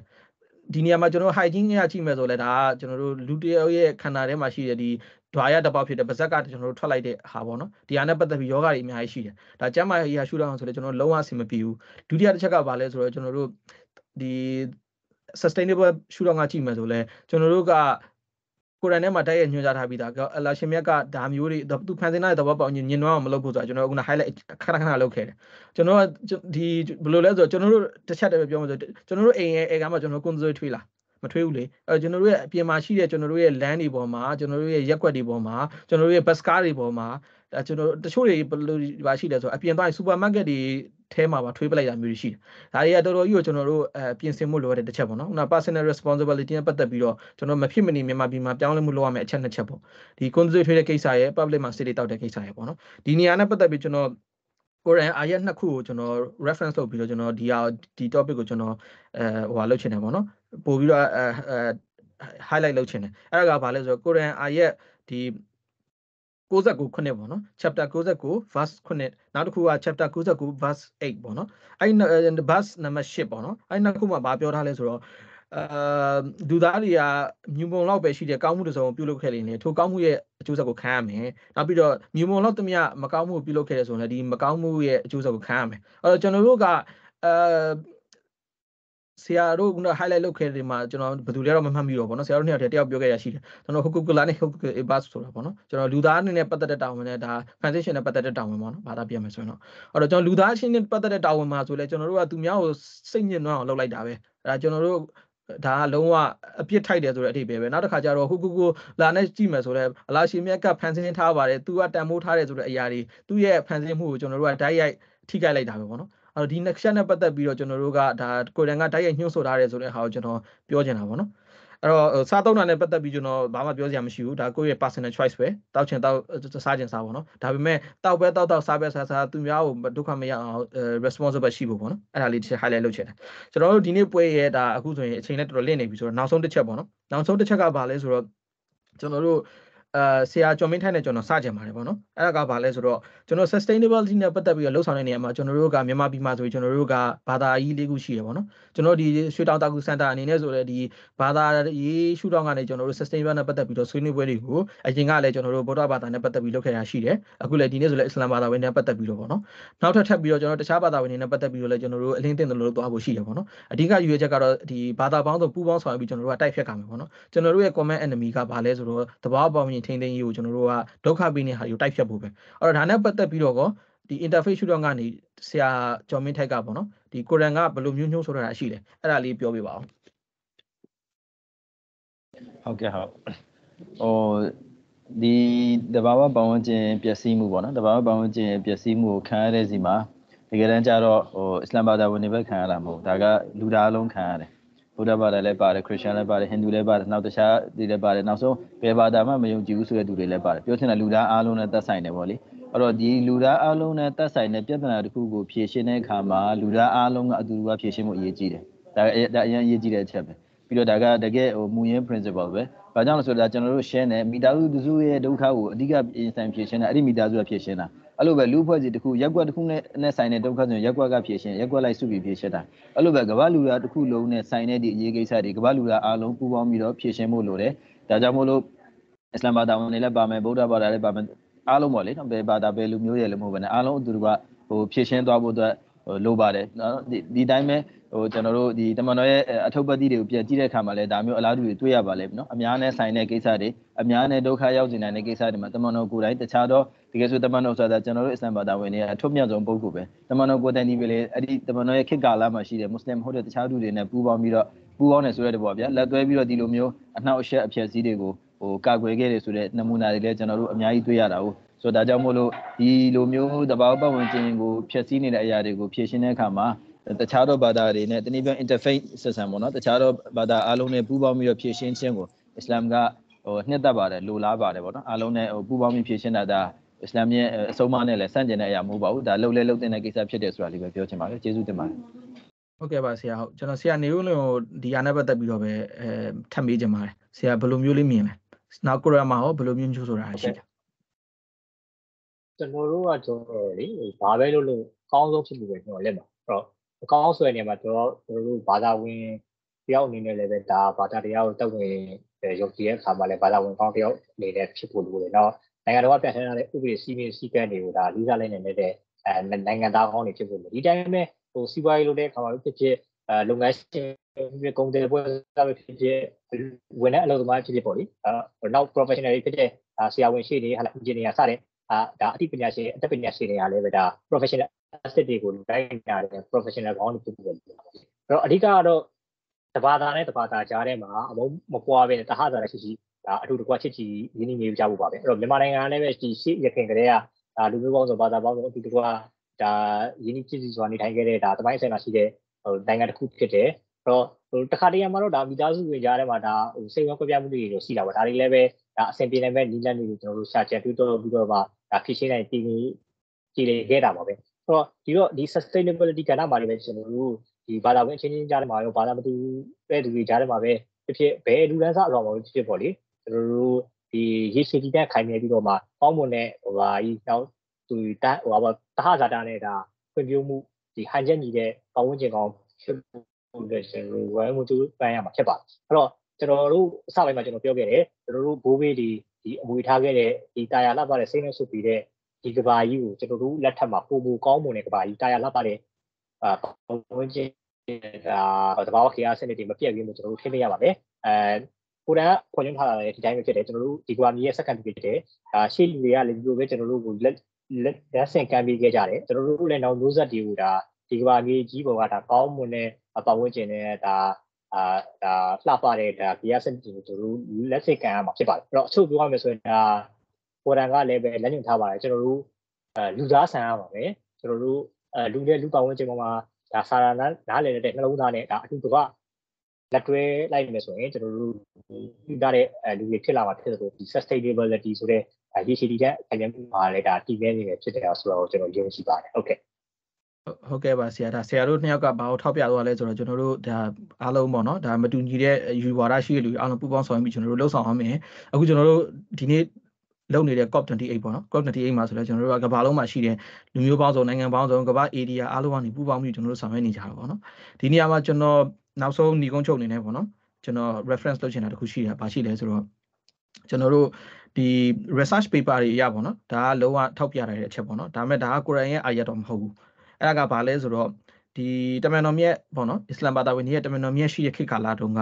အဲမဒီနာမြို့ပေါ့နော်မဒီနာဆိုတာကတော့တမန်တော်မုဟာမတ်ကဒါစပြီးတော့သူအနေနဲ့အဲ city state ပေါ့နော်စပြီးထောင်ခဲ့တဲ့ဒေသပေါ့အဲ့ဒီမဒီနာမြို့ရဲ့တောင်ဘက်ခြမ်းမှာ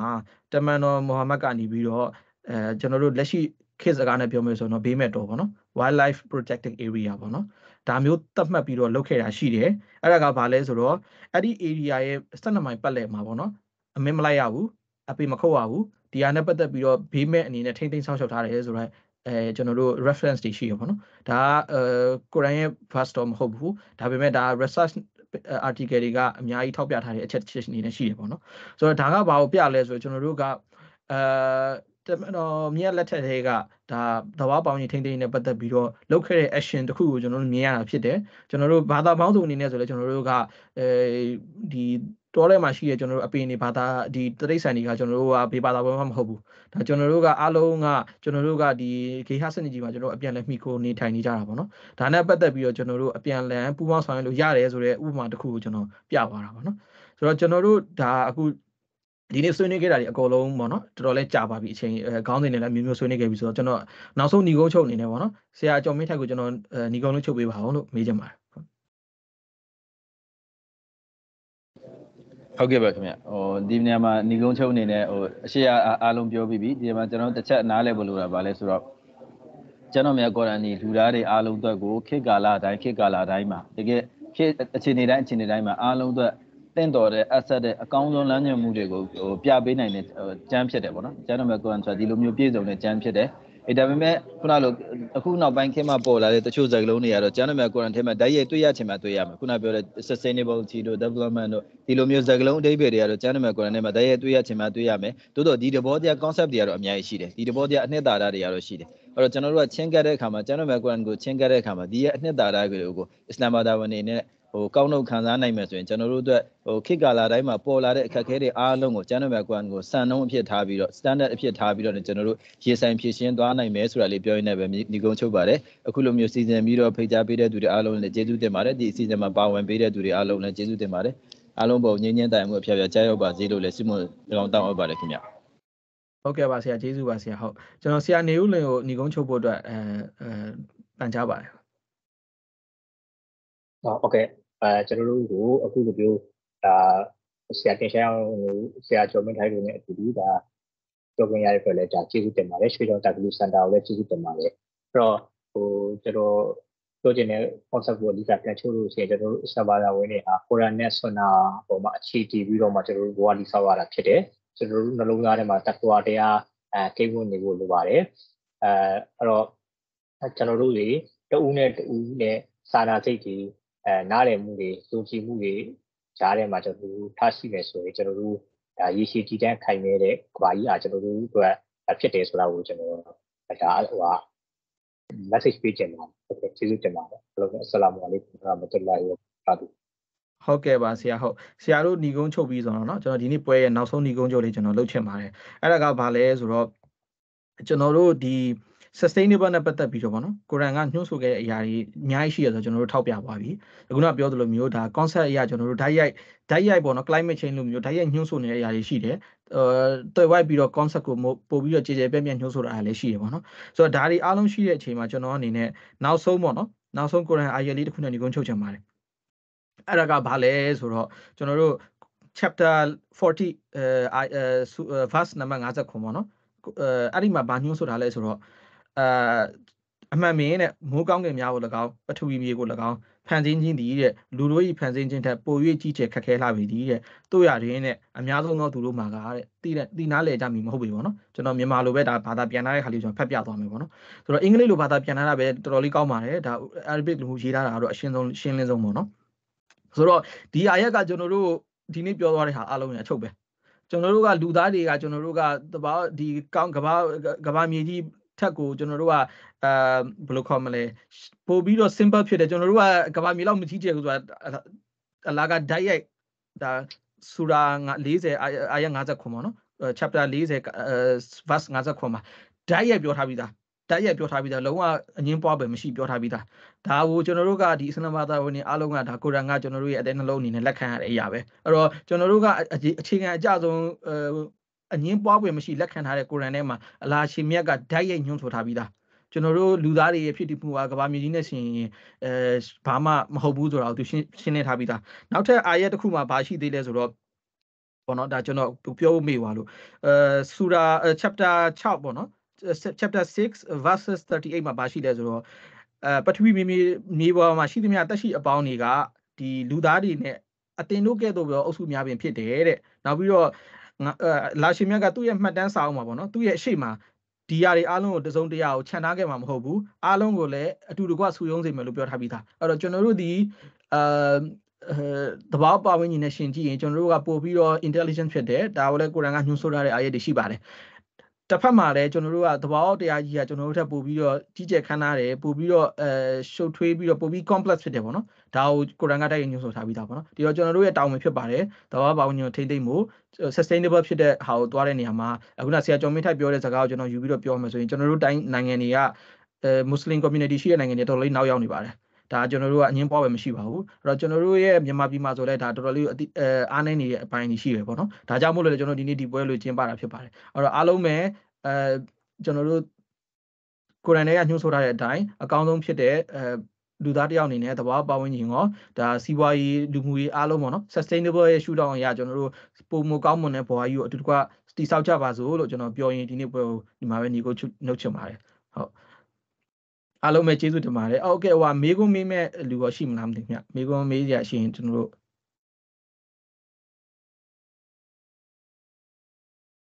ဟုတ်ကဲ့ပါဟုတ် အဲ့ဒါဆိုရင်ကျွန်တော်တို့အဲဒီလောက်နဲ့ပဲညီကုန်းချုပ်လိုက်ပါမယ်အားလုံးကိုကျေးဇူးတင်ပါတယ်ကျွန်တော်ဒီနေ့ပွဲမှာ join ပေးတဲ့ဆရာနေဦးလင်ဆရာကျော်မင်းထိုက်တို့နှစ်ယောက်ကိုလည်းရွှေတောင်တာကတူစင်တာကနေပြီးတော့ကျေးဇူးအများကြီးတင်ပါတယ်လို့ပြောရင်ကျွန်တော်ညီကုန်းချုပ်လိုက်ပါတယ်